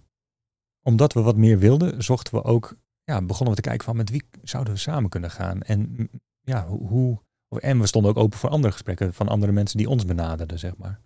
Ehm, daar zijn er in de loop van de tijd ook wel een paar van geweest. Alleen nooit echt een match gevonden. Mm.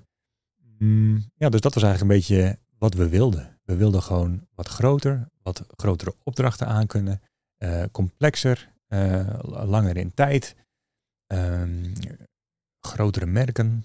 Ja, en het lukte, en het, was, het lukte dus ook niet om dat zelf van, van, Nee. van, van 10 naar Nee. 30 te krijgen. Nee, dat was Nee. echt onze, onze Dat was. En dat, dat is denk ik een inzicht, Ja. ook wel vanuit die cursus.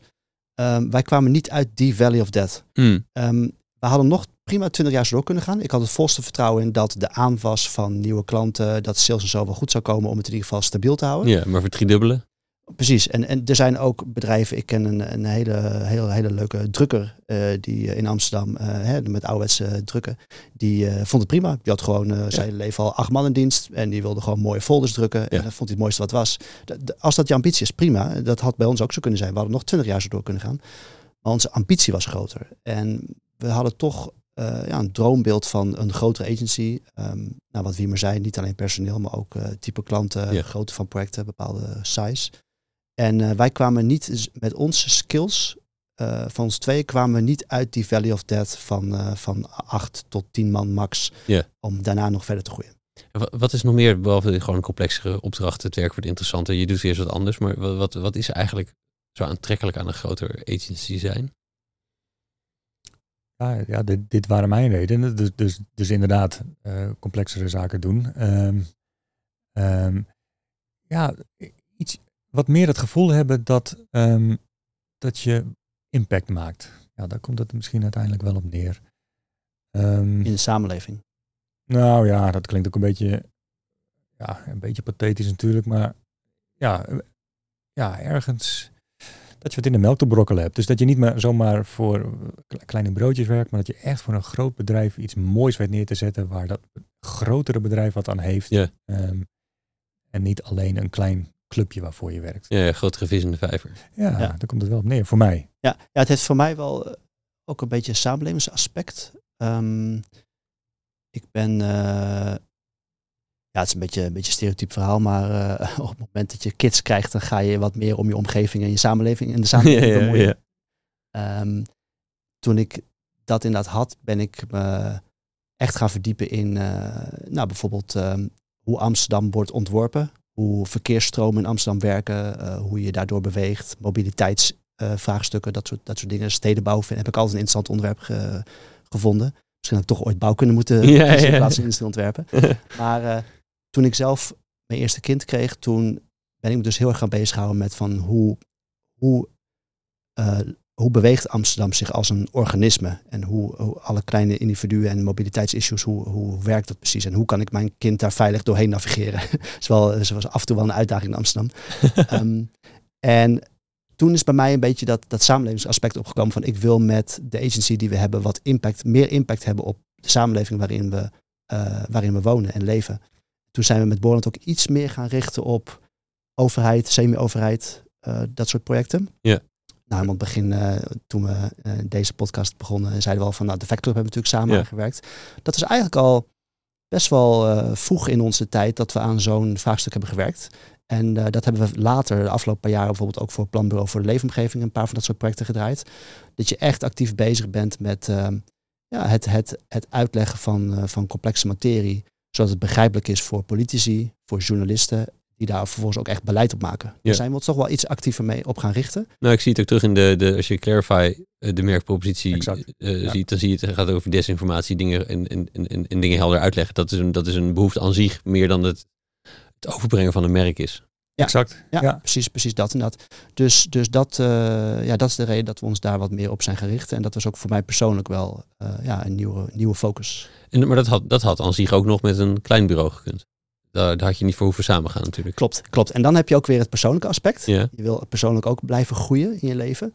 Ehm, wat we ons op een gegeven moment beseften is, eh, kijk, waar, je, waar onze paar eerste werknemers een soort alleskunners moesten zijn in 2013, 14. Dat, een projectmanager moest ook een eh, producer zijn en af en toe ook eh, zelf dingen kunnen ontwerpen. In ieder geval conceptjes bedenken, omdat we al helemaal niet meer mensen hadden. Ja. Zo gold het ook voor ons. Met een team van acht man moet je zelf eh, ja, alle ballen hoog houden en op alle vlakken iets doen. Ja. Wat we ons ook beseft is dat als je met een echt een groot team bent, dan wordt je eigen functie ook specifieker en nauwer. En kun je bepaalde andere zaken afstoten. Ja. Wiemer zei net eh, eh, een half uurtje geleden ook van ja, als groot bedrijf nu kom je, kom je er niet meer bij weg als je geen HR-afdeling hebt. Ja. Nou, ik ben heel blij dat we nu gewoon een HR-director hebben. En dat jij dat niet bent. En dat, dat ik dat niet ben. Nee, precies. Ja, iedereen zijn eigen, zijn eigen vakgebied. En ik, ben, ik ben zelf weer veel meer met, eh, met de content bezig. Hmm. Ik ben nu strategy director. Ik richt me meer op, eh, op de strategie binnen het bedrijf eh, en ook de strategie voor onze klanten. Hè, wat voor aanlooproute doen we voor klantprojecten? Hoe moeten we projecten scopen? Hoe helpen we klanten om dat stipje op de horizon te zetten? Dat is waar ik voor ben getraind en wat ik het leukst vind. Administratie en HR zijn allemaal dingen erbij om de business te kunnen runnen. ja, Nou, dat was heel fijn om dat te kunnen afstoten als je op een gegeven moment met 50 man ja, ja, ja, ja, precies. precies. En hoe, hoe, hoe merkten jullie aan, de, aan, de, aan, aan, aan Getting the Picture in In 60 Seconds dat er wel een match was? ja, dat is leuk. Jullie kennen ze natuurlijk daarvoor al lang, want ze zitten in dezelfde, dezelfde branche, in dezelfde plek. Ja, we hebben wel voor ze gewerkt. Ze hebben al wel voor ons gewerkt. Dus we, we kennen elkaar in, de, in die zin al wel. Ehm, ja, het, het- het- eigenlijk hebben we best wel lang over gedaan om te onderzoeken of we goed bij elkaar pasten. Het gevoel was er wel, maar we hebben ook echt moeite gestopt in eh, om te kijken of het ja, persoonlijk eh, een beetje matchte. Ja. En, en daarbij keken we echt voornamelijk naar de cultuur. Want één ding hebben we geleerd van eh, andere bedrijven die we om ons heen wel eens hebben zien fuseren. Het klapt heel vaak en het klapt heel vaak op de cultuur. Ehm, en dat, ja, nou ja, daar, dus daar hebben we vermoeid in gestopt. Uh, we hebben uh, ja, de, de, de medewerkers van Clarify, of van, uh, van in 60 Seconds en Getting the Picture toen nog. Ja, daarbij hebben we wat medewerkers echt, echt mee gepraat. zij met die van ons. En, en we hebben naar elkaar weer uitgesproken wat we daarvan vonden. Hoe dat, ja, of het een beetje past bij onze gemeenschappelijke cultuur. En ja, dus daar hebben we moeite in gestopt. En onze propositie die paste, was al vrij snel duidelijk, dat past heel erg goed bij elkaar. Uh, wij houden van complexe dingen helder maken. Ja. Uh, en, en zij hadden dat letterlijk ergens op hun website staan dat ze dat uh, mooi vonden. Ja. Dus, dus dat, daar zagen we al heel snel in van oké, okay, we gaan gewoon complexe dingen helder maken, maar dan met een, een breder pakket aan uitingen die we kunnen ja. verzorgen. Ja, en die andere twee waren ook ongeveer even groot. Want anders kom je niet tot 50, denk ik. Maar nou, nee. ja, Getting the Picture was een mannetje of tien ook, hetzelfde als wij. En, en die Six was wel wat groter. Ja. We hadden wel 30, ja, oh, zoiets. Ja. ja. En welk van die, want die zijn met vijf partners, zei je, maar de, de, welk, welk had er maar één? Als in... Nee, de, de, de, de drie eigenaren van uh, In Six Seconds waren ook de eigenaren van Getting the Picture. Oh. Zij, hadden, zij hadden al twee bedrijven en ze hadden eigenlijk twee uithangborden naar buiten toe, ja. omdat ze verschillende diensten hadden. En uh, zij waren daarin ook wat schizofreen. Uh, ze hadden, zeg maar, werknemers bij hun hadden ook af en toe het idee van met welke e-mailvoeten moet ik deze klant afsluiten. ja, ja, ja. Dus voor hun kwam het ook wel goed uit om daar één label van te maken. Ja. maar dus zij waren met drie partners en wij kwamen met twee partners vanuit Boorland. Ah, die dacht, het leek van buiten alsof er drie, drie ja. bedrijven bij elkaar kwamen. Nou, maar daar voor de buitenwereld ook wel. Omdat zo, want die twee bedrijven, ondanks dat het hetzelfde personeel was, uh, of deels in ieder geval overlappend personeel, uh, was het wel een heel eigen cliëntel. Ze hadden allebei, omdat de ene was echt meer consultancy en de andere een animatieclub. Ja. En die hadden een heel ander portfolio en cliëntel. Uh, dus voor de buitenwereld is het ook wel echt, zijn het ook wel echt andere bedrijven. En wat is dan de, de toch de meerwaarde, los van het, jullie eigen behoeftes, om, om die drie cliëntels bij elkaar te gooien? Want het, zijn, want je, het is ja, per se duidelijk dat ja. je ook voor, voor oh, van de klanten nu opeens ook zijprojecten kan gaan dat doen. Is het. Dat is, het is echt cross-selling. Het, zijn, ja, toch. het levert gewoon direct opportunities op. Want ze hadden heel vaak klanten die... Uh, kijk, zij zijn een... Zowel uh, Six Seconds als Getting Picture waren echt contentpartijen. Ze dachten vaak na over de content. Door middel van animaties of door middel van copy. Uh, of door middel van verandertrajecten als het gaat om Getting the Picture. Um, maar altijd content gericht. En wij waren veel meer interface gericht. Dus eigenlijk ja. de schil om de content heen. Ja. En waar wij in de loop van de jaren wel vaak tegenaan liepen, is dat we de meest prachtige interfaces afleverden voor klanten, maar dat de klant vervolgens zelf zijn content ging vullen. En dat was niet om aan te zien. Zowel niet qua copy als qua, qua video en, tekst en, uh, en animatie. Pixelige foto's en zo. Ja, ja, ja. ja. ja. en zij hadden het precies andersom. Zij, zij leverden goede content af, maar dat werd dan in een of ander iframe gehangen op een overheidswebsite ergens op een Ja. diepliggende pagina. Uh, dus zij hadden juist behoefte om mooie interfaces ook uh, te gaan creëren. Dus die, die, uh, die kruisbestuiving. Ja, dus zakelijk zag je ook gelijk voordelen. Echt, uh, upsell en kansen. Ja, Ja. pl- pl- plus de zips en kansen. Ja, eigenlijk zijn we nu gewoon, ja precies, altijd in de salesmodus. Hè? Ja. Eh, eigenlijk, eigenlijk zijn we nu de, de digitale cel binnen Clarify. En dat is natuurlijk ook wel heel waardevol. We kunnen nu opeens eh, als Clarify eh, ook echt eh, ja, grote digitale projecten eh, verkopen en realiseren. En, en een ander eh, voordeeltje wat kleeft bij dat beeld wat ik had van dat er drie losse partijen bij, van ongeveer even dezelfde, dezelfde grootte bij elkaar komen, is Ja. dat die drie ook evident gelijkwaardig bij elkaar staan. Ja.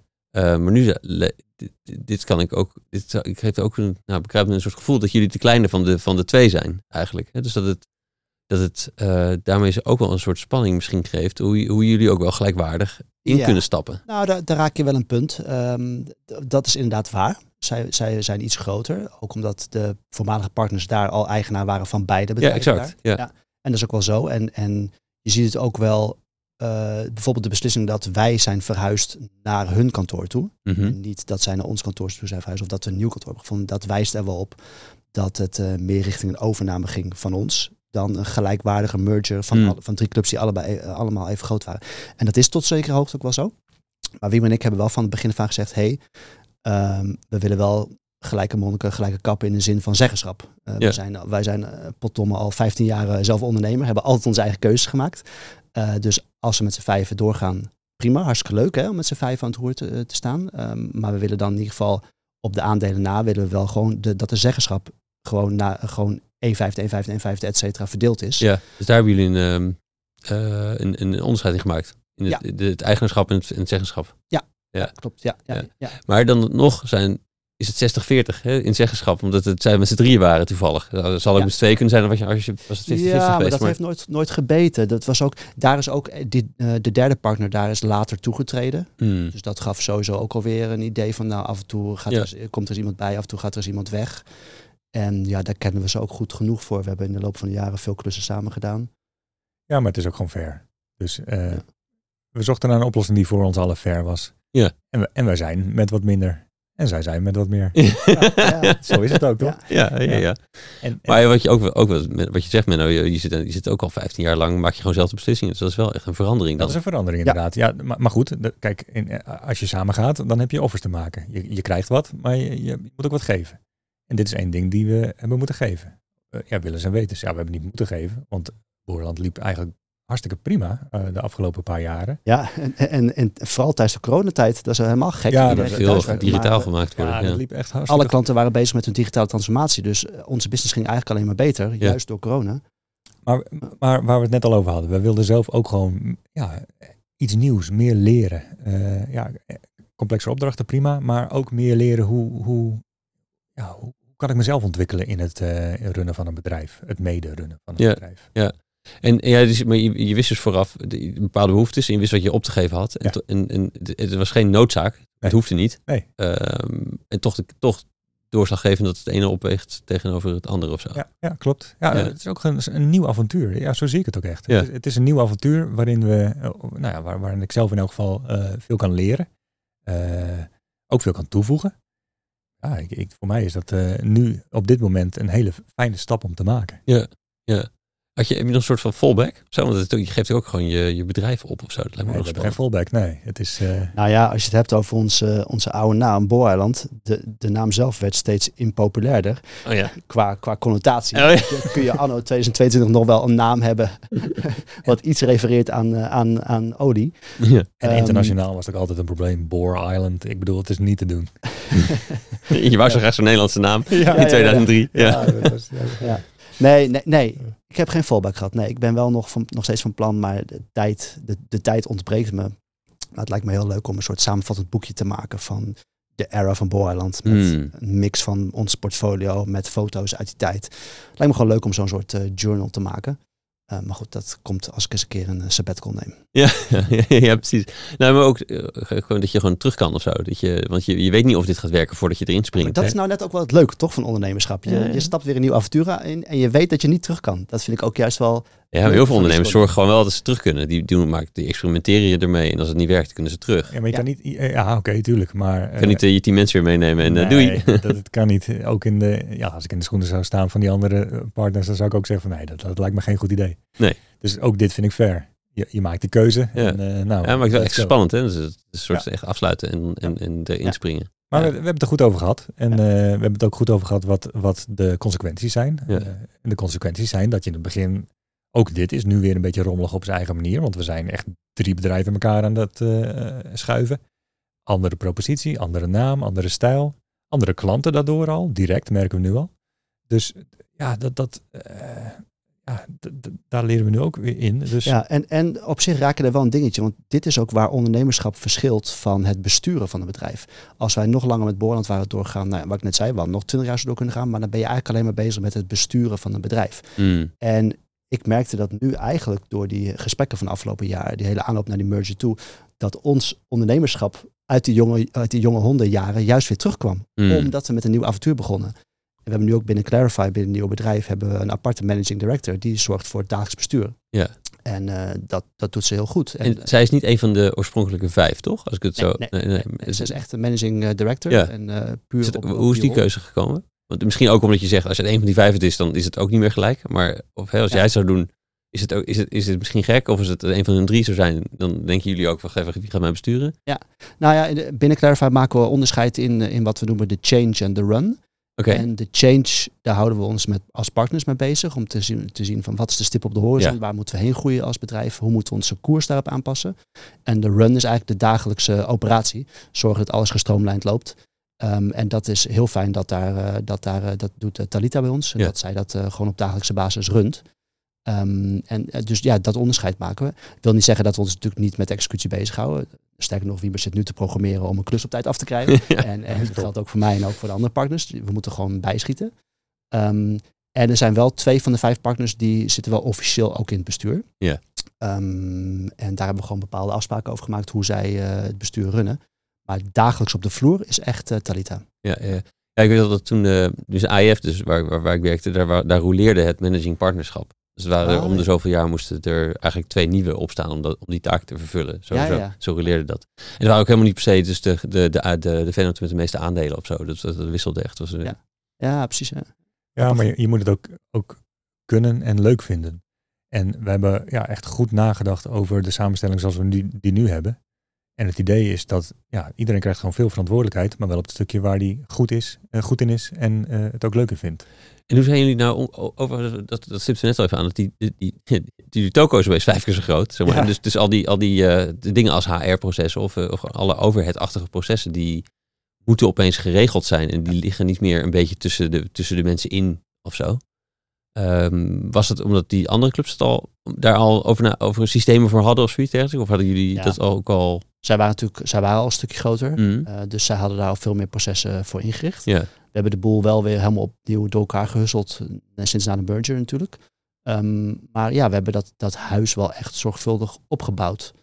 Ehm, en dat loopt nu aardig. Dat kan nog steeds beter. We zijn het nu aan het uitvogelen hoe we de executie eh, kunnen, kunnen verbeteren. Ehm, maar het is echt al stukken beter dan dat het ooit bij Boorland eh, is geweest. Ja, daar waren zij wel een stapje verder in, omdat ze gewoon eh, meer mensen hadden. Dus Ja. ook uit noodzaak moesten, Moesten zij, ze al, Moesten ja. zij al, ja. Ja. ja. Overigens hebben onze eh, medewerkers hebben ook in het jaar voorafgaand aan deze hele fusie, hebben we ook echt meegenomen in eh, proces. ja. Niet helemaal aan het allereerste begin, maar wel vrij snel. Ook om gewoon, eh, ja, om te kijken hoe, ja, want het moet wel slagen. We zijn, we zijn met z'n allen zijn we maar gewoon mensen. Als, Ja. als de helft opeens eh, geen zin meer in heeft, ja, dat, dat, dat werkt natuurlijk ook niet. Nee. Daar is ook niemand blij. Dus Hoe, eh, hoe, hoe, hoe- weet je nog wa- wat je al wel vertelde in dat eerste gesprek? wat zeg je? Met, met medewerkers? Dus wat je, wat je als eerste al wel zei, zeg maar. Eh, hoe bedoel je? Wat ik Nee, je, zei, je zei het allereerste uh, gedachten, zo heb je ze nog niet over meegenomen. Maar Nee. dus vanaf wanneer en wat zei je dan? Eh, ja, hoe ging dat ook alweer? Weet jij dat nog? ja, ik weet nog dat we vrij snel al zeiden eh, om wie het ging. Dat het om In60 en, eh en Getting the Picture ging. Dat ze ook maar twee kantoren naast ons zaten in dezelfde straat. Oh ja. Dat was heel toevallig hoor. We zijn allebei rond dezelfde tijd naar de Houthavens eh, verhuisd in Amsterdam. Ehm, maar we hebben ze dus al vrij snel meegenomen in wie het, wie het waren. En ook wel wat de reden zou zijn. Mm. Dat in eerste instantie minder op persoonlijk vlak dat Wiemer eh, en ik daar aan toe waren. Maar meer op business vlak van hey, wij, wij delen een gezamenlijke missie. Namelijk complexe materie eh, helder maken. Zij doen dat door middel van consultancy en, an- en animaties. Wij doen dat door middel van, van webinterfaces, platforms, tools, et cetera. Eh, maar die gezamenlijke missie, dat zagen zij ook, ook wel meteen. Ja. Daar gingen mensen wel op aan. Vanuit daar hebben ze verder geloodst. Ja, ja, Maar we hebben ook duidelijk de, de twijfels geuit. Zo van, nou ja, de, de cultuur wordt anders. En we weten niet, we doen ons best, maar we weten niet hoe het, eh, hoe het wordt. ja. En, het wordt en- veel groter. het wordt veel groter. Ja. En dat heeft voor- en nadelen. Klopt. Ja. Je- meer groeipaden, maar ook, eh, ja, geen idee, misschien wat, wat ja, dat je, dat je wat, je rol wat specifieker wordt misschien. Ja, je krijgt opeens dus dat dingen in een proces vastzitten of in een, Dat iets, iets moet op zo'n manier. Ja, klopt. Wat, wat misschien wel aardig is om te noteren hier is, eh, is eh, enerzijds dat waar ik zeg maar wel wat lichtpuntjes in hun ogen zag fonkelen toen we het vertelden, is dat ze, mensen denken natuurlijk meteen aan zichzelf van hoe, hoe wat wordt mijn positie, Eh, dat ze wel opties zagen dat hun doorgroeimogelijkheden beter werden. Of dat er in ieder geval een soort van groeipad Ja. in een grotere structuur kan worden uitgestippeld voor iedereen individueel, waar dat binnen een kleine organisatie wat minder kan. Dus dat was positief. Ehm, iets anders wat ze nog eh, moesten afwachten is inderdaad hoe ze, ja, hoe ze landen in zo'n nieuwe structuur. Ehm, en, want dat was wel zo. Het personeel wat wij in de loop van de jaren binnen Borland hebben gehad, was redelijk ondernemerig van zichzelf. En, en kennelijk als je een klein bedrijf bent, je stelt de vacature open, dan trek je toch mensen aan die zelf ook wel eh, ja, ondernemend zijn. Niet dat ze ondernemer echt zijn, maar wel van nature wat meer van het zelf aanpakken zijn. Want anders dan kies je niet voor een heel klein bureau om daarbij te gaan werken. Maar dus ook misschien dus autonomie willen hebben over hoe je iets Ja. aanpakt. Ja, Ja, en, dat en was een mogelijk gevaar bij Mhm. een merger waarbij je opeens met 50 man bent. Ja. dat er dan toch mensen denken van ja, ik voel, ik voel me niet meer thuis bij zo'n grote structuur. Ja. Dat is gelukkig nog niet voorgekomen, maar is iets waar we ze wel in hebben meegenomen dat, dat jaar dat we hebben gesproken. ja. Ja. Wanneer zijn jullie overgegaan? Fysiek, zeg maar? Begin dit jaar. Ja, Begin dit januari Ja, 2022. eigenlijk, al, al- eigenlijk al een beetje eind vorig jaar. Maar Ja, ja maar de, de, de, de bureaustoeltjes werden 100 meter naar voren eh, opzij gesleept in januari eh, precies. Ja, 2020, 2022. Ja. Heb je nog best bij de verkeerde voordeur gestaan, s ochtends? Dat je Nee, denkt, nee, nee, oh nee, shit, nee, nee, nee. net niet. Nee, dat nog niet. Nee, nee. en nu? Hoe gaat het? eh, Want eh, het- jullie zijn een paar maanden samen bezig. En, en eh, Ja. hoe, hoe gaat het? En waar, waar, waar hoop je, hoe hoop je dat over drie jaar eruit ziet? Over drie jaar zijn wij het eh, information design bureau van, eh, nou ja, in elk geval van Nederland. Maar, eh, dat, dus dat hoop ik. Eh, ja, nu zijn we voornamelijk, ja, kijk, het is best wel, als je echt samen gaat, dan komen er ook echt dingen bij kijken waar je, ja, die je niet realiseert. Dus bijvoorbeeld digitale systemen op elkaar aansluiten. Nou ja, inderdaad, alle processen van Menno op elkaar aansluiten. We moeten van elkaar leren, echt heel veel. Wij moeten leren van hun, zij moeten een beetje leren van ons. Eh, inhoudelijk, maar ook procesmatig. Hmm. Ehm, ja, dus, de, de, dus daar zijn we het eerste kwartaal nu veel mee bezig geweest. Eh, projecten draaien ondertussen door. Eh, dus die moet je ook gewoon ja, moet je ook aanwerken. Dus het is best wel een beetje aanboten nu. Ja. Maar kijk, we zien allemaal wel waar het naartoe gaat, wat onze propositie is en, en, en hoe, hoe, we, hoe we daar eigenlijk allemaal aan werken om, om dat totaal geoptimaliseerd te krijgen. Ja, dus in- die fase zitten we nu. Ja, ja dat zal. Dat is een paar Ja. maanden. Nee, en om daar nog eh, op, op aan te vullen, ik denk dat eh Wim en ik de afgelopen paar maanden heel veel zijn bezig geweest met kennisdelingssessies. Om dat tussen de verschillende expertises te organiseren. Ehm, we zijn ook wat mensen van hun, van voormalig GTP, eh, Getting the Picture en in Six Seconds aan het trainen richting UX UI design. Ehm, en ook projectmanagers inwerken op de interactive projecten. Ehm, en nu moeten we ook weer vooruitkijken van oké, we moeten ook weer zorgen dat iedereen genoeg declarabel wordt. Want als je alleen maar met jezelf bezig bent, Ja, ja, ja. dan eh, gaat de declarabiliteit natuurlijk achteruit van mensen. Dus dat moet je tegelijkertijd in de gaten houden. Dus het is een grote uitdaging om eh, ja, de, de, de naweeën van de merger goed te synchroniseren met gewoon operationeel klantenwerk. Ja, ja, ja. En je zei het al net over drie jaar willen jullie het bureau zijn. En, en, en wat is jullie eigen, wat is het, hoe, hoe zie je dat persoonlijk qua motivatie? Het bureau zijn? Nee, het bureau in information design eh, eh, noem ik dat. We hebben, kijk, dan moet ik misschien een beetje uitleggen wat het is. Wat wij dus doen, is complexe informatie helder maken. Mhm. Complexe zaken helder maken. Eh, vaak is dat met heel veel data of een heel ingewikkeld verhaal of heel veel content. Ehm, en wij noemen dat information design. Het designen, het ontwerpen van Ja. informatie. Ja, de- ja, deze term die, die nou, werd wel gebruikt, maar wordt niet echt gebruikt in deze context. En dit proberen we echt een beetje voor onszelf uit te dragen. En we willen, dit vinden we belangrijke eh, opdrachten. Eh, eh, we vinden het leuk. En we hopen dat over drie jaar iedereen ons weet te vinden. Ja. Dus dat is een beetje mijn doel. Dus ook dat, dat het, het werk ook, ehm, nee, dat, dat, doordat die naam bekender wordt, wordt er in, in Nederland anders gekeken naar, Ik naar het. informatie. Ja, dus ik, dat, ja, ik hoop het wel. Ja, ja. Ja. Dus dat is ook een verandering die je hoopt te, teweeg te brengen. Ja. ja. klopt. En ik denk ook, ehm, als je nu Google, googelt op information design, dan komen er ook best wel veel stoffige dingen naar boven. Oh ja. Stoffige dingen uit de jaren 80 en 90, hoe ze toen over information design dachten. Dus ik wil die term ook wel anders gaan laden. Ik wil eigenlijk dat, ja, dat onze agency meewerkt aan het vergroten van het veld van information design. En Ja. daar een nieuwe lading aan geven. En zo logisch als onze naam is, Clarify. We hebben ook bewust gekozen voor ja, meer, meer helder en uitleggend dan dat kun je een naam niet maken voor je Nee, nee, nee. agency. Als je dit doet. Eh, zo logisch zou ik het ook willen dat bedrijven het vinden op het moment dat ze tegen een informatievraagstuk aanlopen. Dat ze denken, oh, we moeten Clarify even bellen. Ja. Die, die, ja, die mate van, van logischheid zou ik graag willen inbakken bij Ja, de ja. klanten. Ja, mooi. En eh, eh, gewoon qua ondernemerschap, wat, eh, qua, qua gewoon persoonlijk, hoe, hoe- wat hoop je te doen over vijf jaar? Wat hoop, hoop je dat er staat? Ja, precies. Ja, ik, ben- ik ben nu verantwoordelijk voor, het, eh, voor de digitale cel binnen Clarify. Dus ja, dat, dat wil ik echt eh, vergroot hebben. Eh, eh, da- da- daar moeten mensen zitten die echt gewoon supergoed zijn in wat ze doen. Ehm, en dat het gewoon allemaal op rolletjes loopt. Mm. Ja, dat, dat, dat, dat is mijn, mijn taak en dat, dat is ook wat ik wil bereiken. Ja. Jij? Ja, ik zit wat meer aan de klantzijde en wat meer vooraan in de trajecten. Een van de beloftes nu is dat wij eh, een partner van de klant zijn. Eh, dus we, zijn, we stappen wat meer af van het supplierschap. Van oké, u vraagt wij draaien, eh, er moet een website gemaakt worden of er moet een infographic gemaakt worden. Maar meer het langdurig partnerschap met een klant op gelijk niveau. Veel co-creatie, veel schakelen met de klant. Dat we eigenlijk een soort huisleverancier zijn. En ja, bijna op een iteratieve basis maandelijks bezig blijven voor het cliëntel die we hebben. Dus dat is mijn persoonlijke uitdaging om die klanten continu aangehaakt te houden. En continu dat stipje op de horizon te houden met ze. Ja, Ja. ja. ja.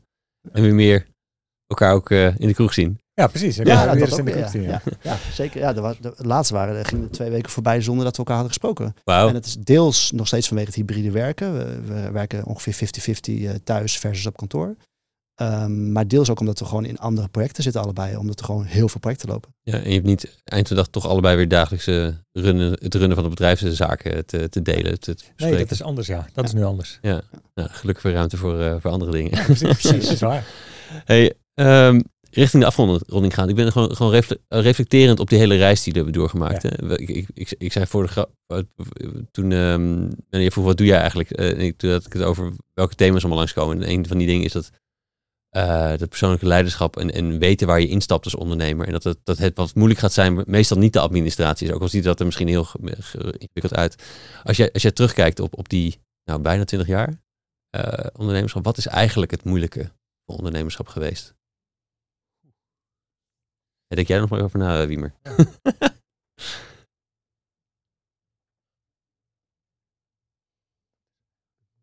Ja, wat, wat waar ik tegenwoordig goed mee om kan gaan, maar wat ik moeilijk heb gevonden, is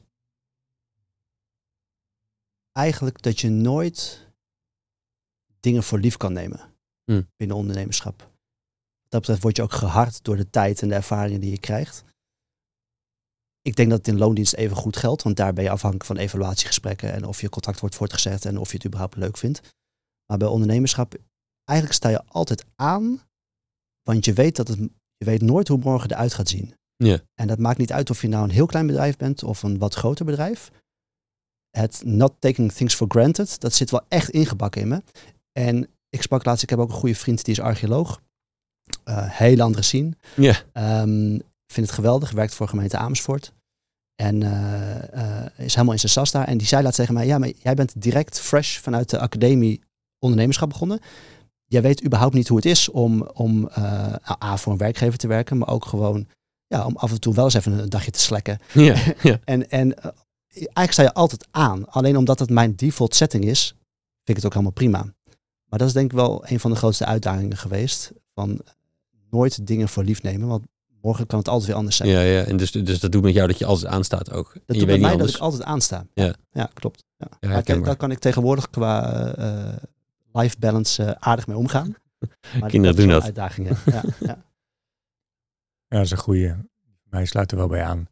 Namelijk dat het nooit optimaal is, eh, je bedrijf. Je bedrijf heeft vaak eh, of te weinig opdrachten, Of te weinig mensen. of te, ja, of te weinig mensen. Dus of te veel opdrachten. Of, eh, ja. ja, dus het- is nooit, het is bijna nooit een balans. Eh, als je de balans hebt gehaald, ja, dan, dan is dat één dag. En de, de volgende dag is dat weer anders.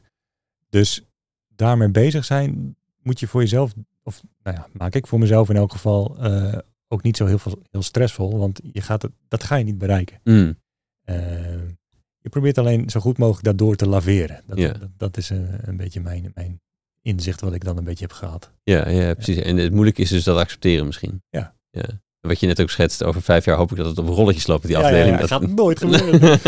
maar wel meer. Misschien één dag. Ja, misschien één dag inderdaad. Daar ben ik Ja. hartstikke gelukkig. Ja, Eén ja. dag op rolletjes. Nou, dat zou mooi zijn. Ja. Ja. 2027, één dag op Eén rolletjes. dag op rolletjes. Ja. Teken ik voor. Ja, mooi. Hey, ehm, ik had jullie voor een forum een beetje gewaarschuwd. Ik, vroeg- ik vraag altijd mijn gasten gewoon iets wat hun inspireert, wat ze zouden kunnen, kunnen delen. Het is vaak een boek, vaak, vaak ook niet. Eh, wie, wie, wie heeft er eentje wie die eh, zou kunnen tippen? Ja, we hadden het net even in de auto over van, hey, heb jij het nog voorbereid? Nee, nee, nee, nee we hebben het allebei. Nee. ik denk dat voor Wiemer, als hij nog even denkt, dat heeft voornamelijk eh, online sources zijn, maar dat, dat moet hij zelf maar beantwoorden. Maar ik had wel één boek waar ik toevallig net in de auto hierheen even over moest nadenken, want we, we reden op de snelweg van, hè, van, van, van Amsterdam naar Utrecht toe.